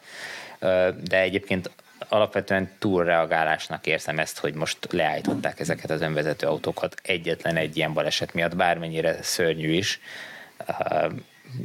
Nyilván nem szabadna, hogy ilyen megtörténjen, de nagy valószínűséggel százával történnek nagyon hasonló balesetek a világon minden nap humán sofőröknek a, a hibájából, hogyha gyakorlatilag betiltanánk ezek miatt a humán sofőrök vezetését, mert hogy bármikor képesek lehetnek ilyen hibának az elkövetésére, akkor gyakorlatilag leállna a forgalom, mert nem lenne kivezessen, meg nem lenne ki köz, tehát hogy a, a kamionokat nem tudnák kivezetni. Úgyhogy ez szerintem egy abszolút túlzó reakció, és abszolút egyetértek azzal, amit Szabolcs is mondott, hogy, hogy hozzá kell szoktunk ahhoz, hogy ezek a rendszerek bármennyire is megbízhatóak, bármennyire is jók, lesznek ilyen meg hasonló balesetek, amiket el fognak követni, és ezeket el kell tudjuk fogadni. Iszonyatosan nehéz lesz, mert a géptől mindig azt várjuk, hogy hibátlan legyen, és tökéletes legyen, és egyszer se legyen kék halál, és egyszer se akadjon ki a telefonunk, és meg se akadjon, amikor mi lapozunk a,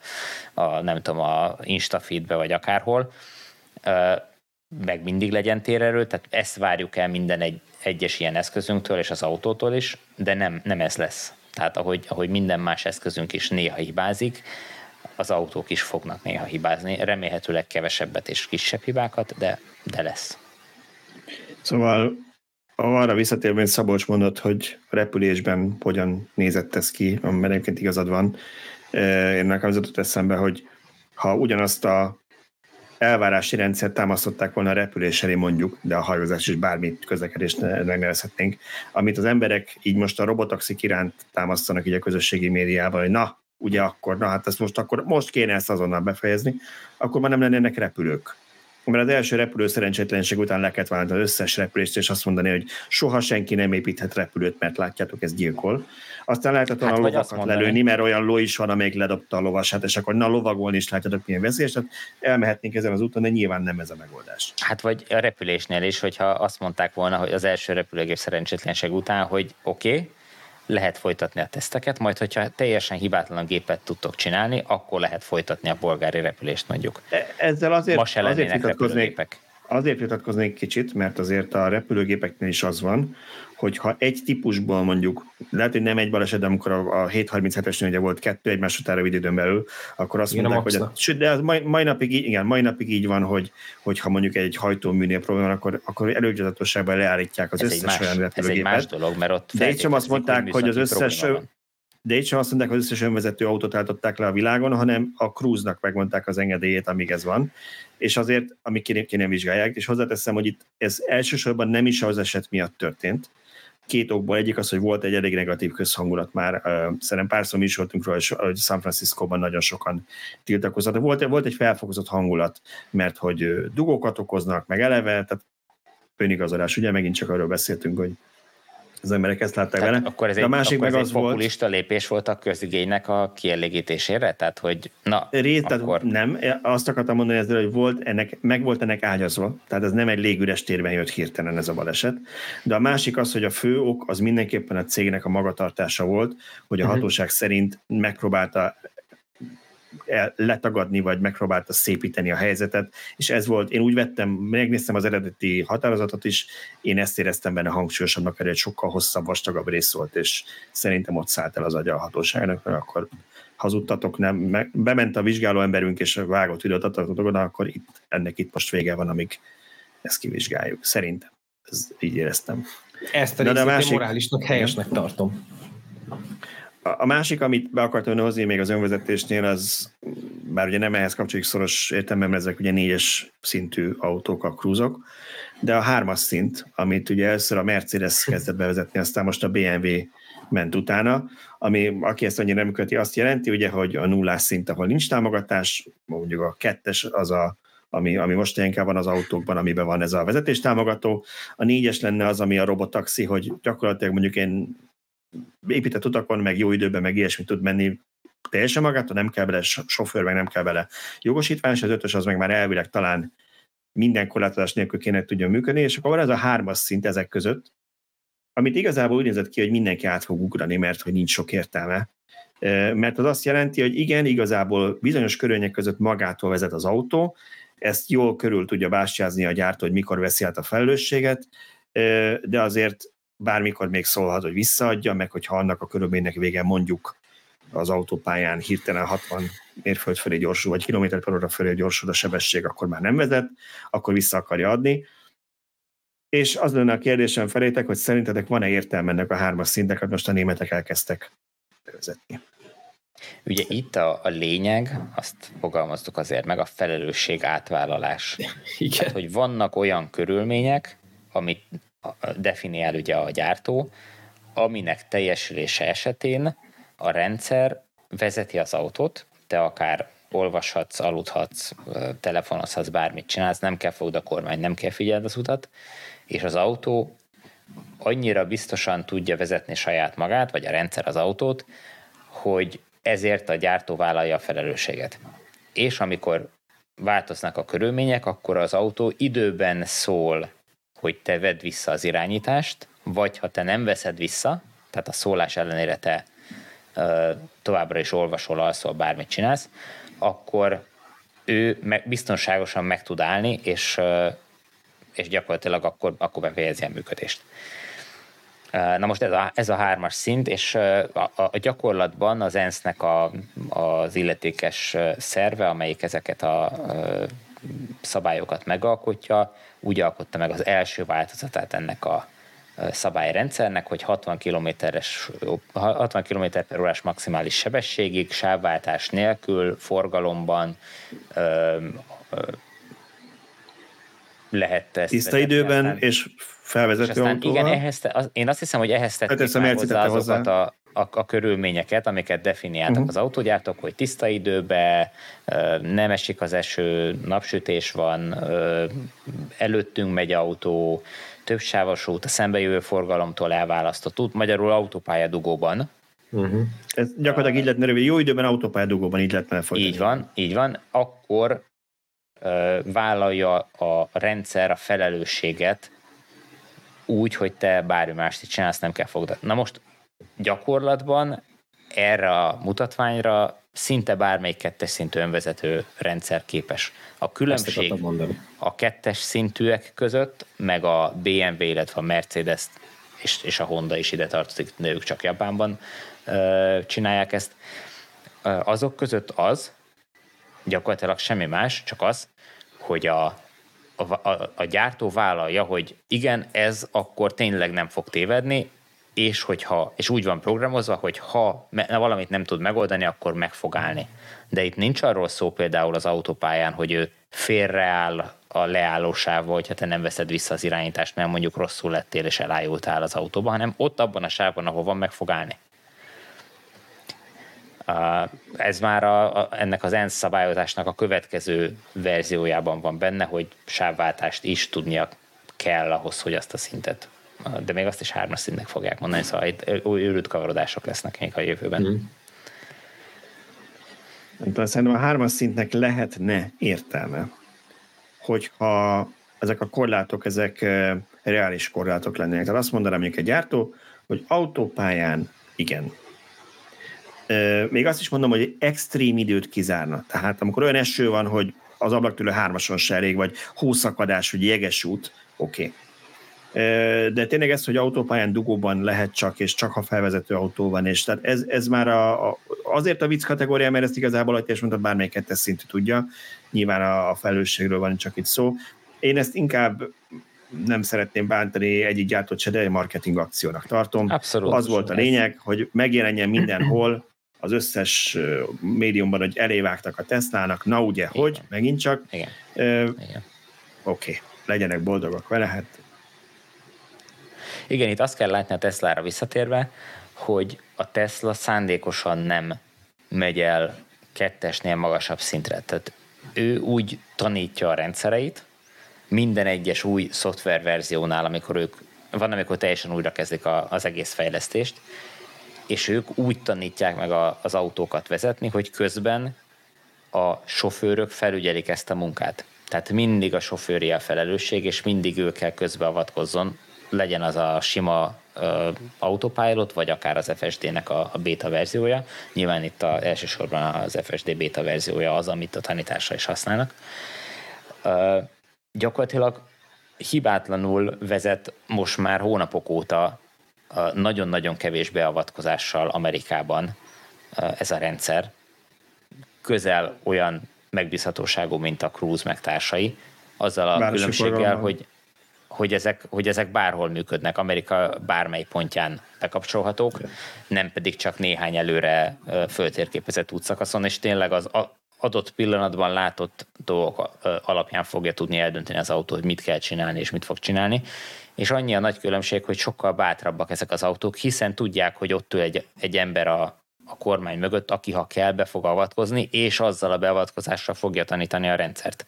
Míg a Cruise sokkal óvatosabb, meg a Waymo, ezek sokkal-sokkal óvatosabbak, mert nem ül ember az, az autóban, tehát kockázatos manővereket meg se próbál megcsinálni. Tehát, hogyha ha olyan kereszteződésnél van, ahol nehéz bekanyarodni balra, akkor nem, fog, nem fogja azt a, azt a kereszteződést vállalni, inkább kerül egy nagyobb kört, és egy olyan kereszteződést vállal, ahol mondjuk külön kanyarodósáv van, külön lámpával, és úgy fog bekanyarodni, mert azt sokkal egyszerűbb megcsinálni. Illetve, hogyha ha, ha a magabiztossága a rendszernek egy bizonyos szint alá esik, akkor azonnal ö, tárcsázza, vagy kapcsolatba lép az operátorral, akitől megkérdő, hogy na most akkor mit kell csinálni egy ilyen szituációba. És ott az operátor fogja átvenni tulajdonképpen azt a felelősséget, ami a kettes szintű rendszereknél a, a, az autóba van építve. Én, hogyha szigorúan vesszük, akkor az operátort a négyes szintnél nem is engedélyezném, vagy pedig azt mondanám, hogy ez nem négyes szint. Így van. Így van pont ezt akartam mondani, hogy szerintem a hármas szintű vezetés az marketingnek tök oké, okay, valójában az látszik, hogy ezek az autók, illetve ezek a termékek, amik a piacon vannak, réges-rég technikailag előrébb járnak, mint amit ezek a, ezek a megfogalmazott feltételek egyébként engednének, tehát olyan korlátozás, ami gyakorlatilag nem is, nem is szabadság. Ilyen formán én azt gondolom hosszú távon, hogy a hármas szint akár meg is fog szűnni. Tehát, hogyha abban a pillanatban, hogy az autók annyira megbízhatóan képesek lesznek arra, szinte bármilyen helyzetben, amit mi a hármas szintű önvezetéstől várunk, és a gyártók bátran azt fogják mondani, hogy hoppá, én ennek a felelősséget nem csak vállalom, de viselem is, akkor meg eleve ez a szint ki fog maradni, mert akkor már négyesről beszélünk. Lényegében igen, és ezért volt sokáig arról szó, hogy nem, nem is lesz hármas szintet, át fogják ugrani ezt a, hmm. ezt a szintet, mert hogyha már annyira jók lesznek, akkor azt fogják mondani, hogy négyes, és, és akkor ezeken a területeken vállaljuk a, a felelősséget. Hát aztán meglátjuk, hogy ez, ez hogy fog, de egyelőre még én, én írtam a Mercedesnek, hogy ha már ez van és Németországban működik, mi szívesen kiutazunk Németországba, hogyha kapunk ott egy tesztautót, hogy ki tudjuk próbálni. Azt a választ kaptam, hogy erre sajnos nincs lehetőség. Egy, egy off-topic lazán ide kapcsolódik, majd fogok írni róla. Most hétvégén frissült a Maki, egy 10 egy hónapos lemaradásban van itt Európában, tehát ez a frissítés az Amerikában már azt hiszem januárban írtunk róla, hogy kiment, és ugye úgy volt, hogy ebben például már benne lesz az automata sávváltás, nincs benne. Hmm. Tehát Európában ezek szerint nem jött meg a sávváltás, hát, ne, van. Nem tudom, hogy mi az oka, de, de, de, de vagy, pedig, benne. vagy pedig föltérképezett utak kellenek hozzá. Elképzelhető. Igen, hát ugye a Tesla-ban benne van, de minek? Mármint, hogy a, a Enhanced Autopilotban, mert általában elég lassú. Én azt ugye párszor próbáltam csak, mert az én, én autómban nincs, de tesztautókban párszor próbáltam, és így az hogy működni működik, csak elég lassan, és azért csomószor előfordul az, hogy mire ő befe- elkezdeni a manővert, azért meg se kezdi, mert már az a szituáció, ez a, az a elmúlt. Arra jöttem rá, hogy, hogy amikor ilyen, ilyen helyzet van, hogy hogy nem tudja időben elkezdeni, akkor, akkor szorgalmasan nyomogatni kell az index kapcsolót, hogy életbe tartani ezt a műveletet, és akkor gyakorlatilag mindig újra kezdődik a, a timer, hogy ami alatt be Igen, meg nem elég az indexet, hanem a kormányt is kicsit meg kell mozdítani, hogy ténylegesen megkezdjen. Ah, igen, tehát hogy nagyon, igen. nagyon mindennek össze, össze kell állni ahhoz, és nagyon gyakorlatnak kell lenni a rendszer használatában ahhoz, hogy tényleg normálisan megcsinálja, ami azért bosszantó meg közben meg a Mercedesnek, meg a BMW-nek, hogy mondjuk jót is, ezek a rendszerei piszok jól működnek. Tehát a, a, a BMW-nél is a, az iX-ben vagy iX1-ben pöccinted, a, vagy az i7-ben pöccinted a, a, az indexkart, már nem is emlékszem pontosan, hogy működik, de gyönyörűen sávot vált, és kivárja, hogyha másik autó van mellettünk, megvárja, hogy el, tehát hogy tényleg tökéletes. Szerintem itt oda a Teslának lelke van. Szerintem Pont olyan, mint az én kávéfőzőm ezek a gyártók nem, nem hogy a Tesla meg a Ford nem Európára fejlesztik ezt, el, vagy fejlesztették ezt elsősorban, és Európában sokkal szigorúbbak erre a szabályok. Hmm. Valamennyire hozzáigazították, hogy lehessen kínálni, de, de szerintem, ugye Amerikában sokkal több mindent megteremtett, ilyenekre gondolok, hogy Európában sokkal szigorúbb, hogy milyen szögben fordíthatja el a kormányt ez a, az automatika, mennyi idő alatt végezheti el ezt a, ezt a műveletet, stb. stb. Gyanítom, hogy ebbe már sok pénzt, legalábbis a tesla nem ölnek, hogy az FSD, FSD majd ezt megoldja. Ugye ezt tudnék, hogy alapvetően az FSD-ről előbb beszélt Tibor, ez egy tök más szoftver, vagy tök más rendszer, mint az az autopilot, amit így pofozgatnak kicsit még, hogy valami legyen itt Európában, amíg nem lesz FSD. Hát más a jogi környezet. Én nem vagyok informatikus, igen. de ez csak ha függvény kérdése, nem? Hát reméljük, ez hogy nem hát elég, elég, elég baj lenne, igen, ha, ha egy ilyen igen, reméljük, három kilométeres halfüggvényből állna. Igen. Na jó, akkor annyi, hogy szerintem, hogy mert teljesen kifutunk az adásidőből, hogy rövid kedvcsinálót kérnék Tibortól a saját két tesztjéről. Az egyik az új Opel Corsa, ami egy villámteszt volt, ezt talán külföldön sikerült, igen, Németországban kipróbálnod. Tényleg csak egy rövid kedvcsináló, link meg lesz a leírásban annak, aki akit érdekel, vagy aki szeretné ezt megnézni, mit tudnál mondani erről az autóról? Vagy mennyiben, mennyiben másabb, mennyiben jobb, mint az előző ekkorban? Kívülről nem sokat változott, az, hogy most előnyére vagy hátrányára, azt mindenki döntse el magának. Nyilván lesznek olyanok, akiknek az előző arccal jobban tetszett az autó, mint a mostanival, de ezek, ezek elhanyagolható változások. Ami viszont nagyon fontos, hogy a, az autóba új akkumulátorcsomag került, amit már a DS3-ban teszteltünk korábban, az új DS3-ban.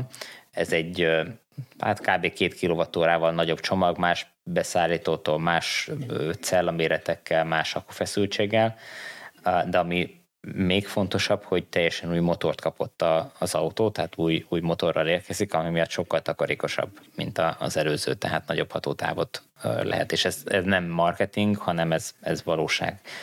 És Uh, emiatt ez egy, ez egy uh, sokkal jobb modell lett, ami viszont számomra furcsa, hogy ennek ellenére, hogy van egy ilyen újabb, jobb megoldásuk, életben tartják még a korábbit is az Opelnél, amire én nem igazán hmm. tudok magyarázatot, hogy ez, ez mire jó. Uh, de nyilván tudják a, a, az okát, úgyhogy valószínűleg nem véletlen csinálják. Volt neked még egy teszted, ez egy hosszabb teszt, ott én voltam a villámteszt, ez a Hondának az ENY1 nevű autó, amit én Norvégiában próbáltam ki, te viszont most egy hosszabb teszten itt Magyarországon tudtad használni. Mi volt a te véleményed napi használatban erre a kocsiról? Hogy alapvetően egy, egy tök szerethető autó, de nagyon látszik még rajta, hogy a Honda még mindig nem akar villanyautót gyártani. Tehát, hogy még mindig nem, nem olyan autót olyan áron akar csinálni, amivel versenyképes tud lenni.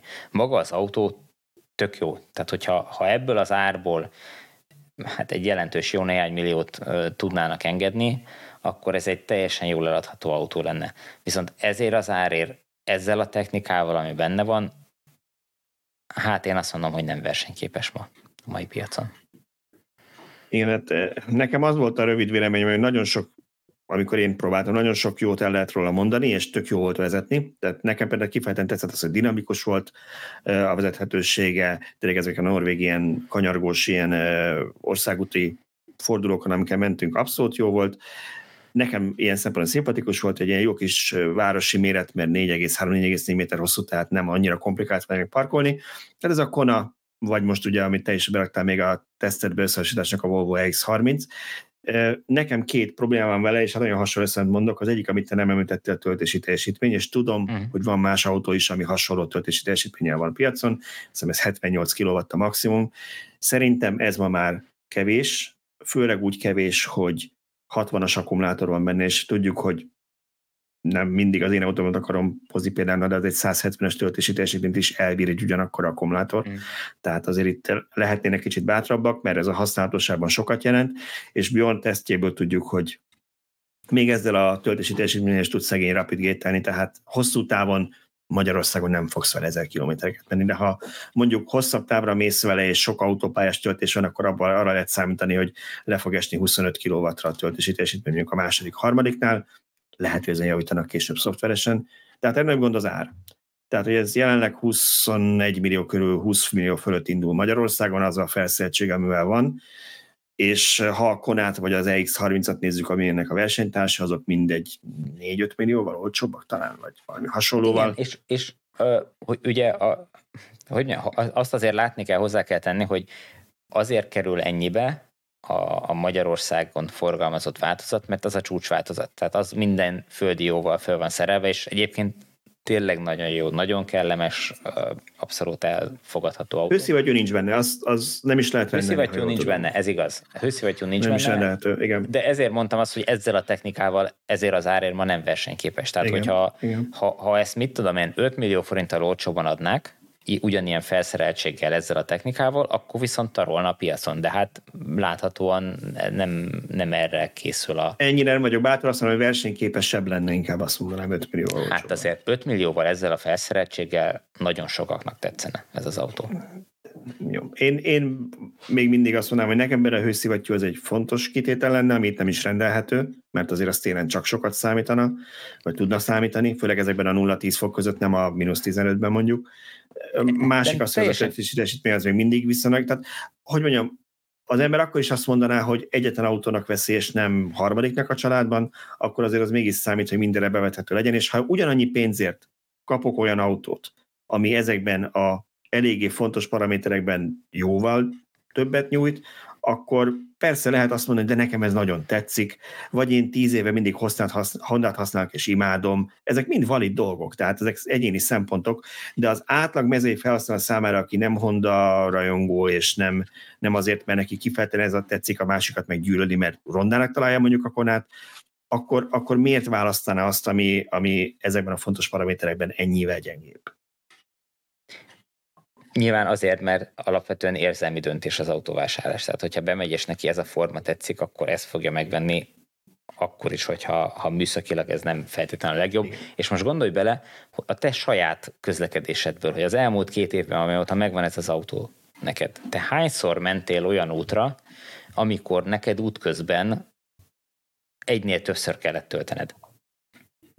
Nézd, ezt nyilván lehet így nézni, hogy hányszor volt ilyen. Volt egyébként, de nyilván nem nagyon sokszor, bár nem biztos, hogy én nagyon, hogy mondjam, ebben, ebben minta vagyok, mert, mert én például nem járok sielni, tehát nyár, nyaralni is inkább az országon belül szoktam, de én megint csak arról van szó, hogy ahhoz nagyon sok pénz egy autóra, 15 millió is akár, nem 20, hanem azt mondjuk 5 millió volt, hogy 15 millióért, hogy te ne gondolkodj abban, hogy neked ezt egyszer el is kéne tudni adni, vagy hogy ha már te ennyi pénzért vettél egy autót, akkor ne kelljen azon a három alkalommal se kompro- ilyen jellegű kompromisszumot köt, kötnöd, még egyszer azért, mert, mert a másik márkánál elérhető ugyanennyiért jóval jobb teljesítmény.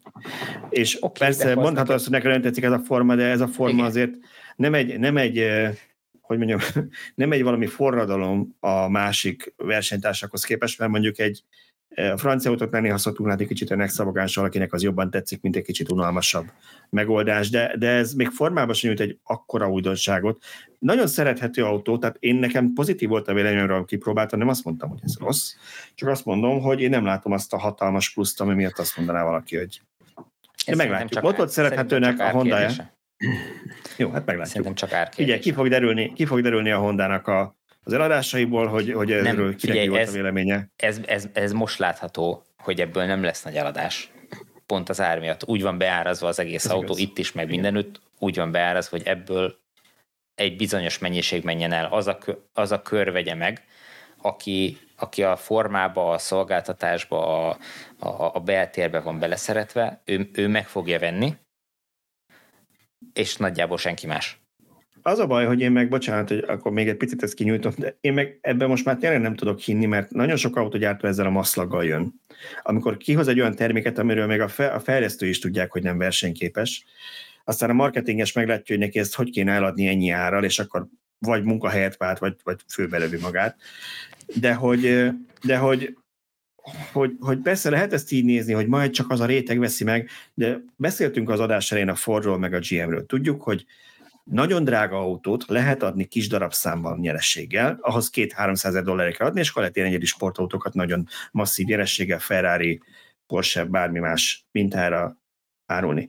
De normális tömegautót ilyen évi 10-20 ezeres darabszámban csak masszív vesztességgel lehet árulni. De nekem senki nem mondja azt, hogy Honda-nál leültek a konferenciára, akkor azt mondják, hogy srácok, ez nem, nem kell, hogy mindenki szeresse. Adjunk el belőle 15 ezeret egy évben, bukunk mindegyik autón 50 ezer dollárt, de, de az a réteg megveszi, és az úgy nekünk jó. Én ezt nem tudom elhinni, Balázs, mert ez közgazdaságilag nem pont, racionális. De ne, ne, ez pont így van, csak a, a következő mondatot ö, felejtetted el a, a meetingről, amikor azt mondják, hogy ez még mindig csak fele annak az összegnek, amit be kéne fizetnünk az EU-ba büntetésként, hogyha nem adjuk el ezt az autót. Hát de ennyi, ennyi kisebb veszteség lenne vásárolniuk CO2 kvótát, mint, mint ennyiért autót Szerintem. Gyártani. Szerintem sincs. Vagy olyan drága lenne, hogy nem lehet. Meg. Lehet, hogy ez van mögötte, nem tudom. Na, akkor nézd, térjünk át a kommentekre, mert mindjárt vége mindennek, és még a kommentekről nem is beszéltünk. Szóval párat akkor kiemelünk. Ti milyen podcastot hallgattok, YouTube csatornát néztek autós témában, elektromos autós témában, napelemes őszül, stb. Tibornak adnám meg először lehetőséget, mert én, én nekem nagyon rövid a lista. Egy... Hát a villanyórát szoktam hétfőn, kedden, szerdán, csütörtökön és pénteken újra meghallgatni, mert annyira szeretem. A... Szemtelen önmarketing, de tényleg. Nem. Én, amit podcastot hallgatok, az a Fully Charge-nak a, a podcastja. Nem minden adást, mert van, amikor olyan a vendég, hogy már eleve nem tetszik, de, de abból viszonylag sokat meghallgatok. Egyéb tematikai podcastokat hallgatok, főleg az NPR amerikai National Public Radio, azt hiszem ennek a rövidítése, nekik vannak uh-huh. veszett jó podcastjaik, nagyon profik és villanyautós nyelvű YouTube csatornákat nézek, az a Björn féle videók közül, nyilván nem mindegyik, amelyik, amelyik olyan tematikájú, azt, azt megnézem. Két órán keresztül megy Norvégiában, élőben adja, azt Igen, nem, nem, nem, azt, azokat nem, de amikor ilyen össz, rövid összefoglaló van, ami nála 20 perc, akkor azt így fölgyorsítva uh, meg szoktam nézni. Uh, van a Dirty Tesla nevű uh, FSD beta tester, a srác, Ann Arborbe, uh-huh. Amerikában. Ez YouTube, um, gondolom. Szintén YouTube, igen, YouTube csatorna, igen. és akkor mindig, amikor jön frissítés, meg különböző szituációkban, meg bejáratott útvonalai vannak, meg, tehát hogy nagyon jó bemutatja a rendszernek a működését. Uh, mi van még? Connecting the dots, vagy dot, dot, uh-huh. connecting the dots, úgy van értelme. Um, csatorna, ő neki vannak ilyen nagyon jó elemzéseibe, néz a, a, a történések mögé egy kicsit, és összeszedi. Egy kicsit Tesla rajongó talán, de, de a fene tudja, hogy bár Bulka pont azt mondta, hogy GM rajongó, amit átküldte nekem videót, hogy Jó, hát egész az, az volt, de igen. Az ilyen, igen, tehát az, hogy az, azzal inkább csak azt akarta uh, igazolni, hogy, hogy ő nem elfogult a Teslával kapcsolatban. Aztán, hogy mennyire sikerült ez, hogyha ha, ha megnézed, akkor nem vagyok azért teljesen biztos benne, hogy... Azt nem mondta, hogy Mary hát... Bararangó. Azt nem mondta. Jó, igen. Igen, az még nehéz is lenne. Nehéz lenne rábizonyítani, igen, a videó után. Szabocs? Hát én podcastokban leginkább eltérő tematikájú műsorokat szoktam hallgatni. Autós podcastot ma már keveset hallgatok, viszont dobjatok rá minden követ.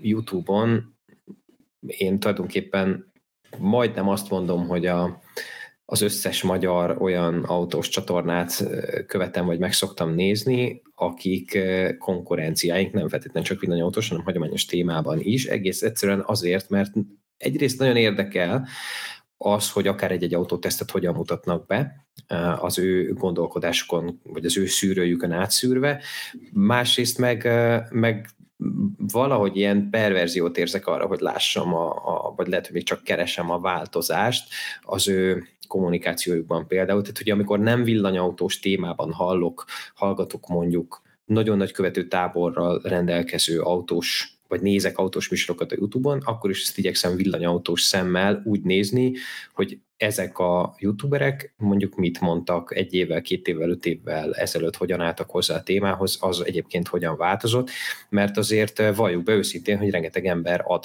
ezekre a videókra, meg ezekre a véleményekre, és én szeretem tudni, hogy tulajdonképpen a összegről végről kollégáink hogy látják. Bár megkaptuk, hogy nem vagyunk igazán kollégák, hiszen az autókhoz nem értünk, de, de egy csomó minden máshoz meg igen, és, és én például sokat tanulok ezek, ezektől a autóértőktől. Oké. Okay. Nekem nagyon-nagyon rövid a listám, én nem igazán hallgatok sok podcast, sőt, podcastot igazából nem hallgatok, egyet talán, de azt is inkább YouTube-on szoktam megnézni. Ez a Tesla Daily, már pedig azért, mert ez egy napi történet, ami az, nem csak a Tesla, az egész észak-amerikai autópiacról tök összefoglalja, csak hogy egy helyen megkapom a friss dolgokat, hogy miről maradtam le éjszaka.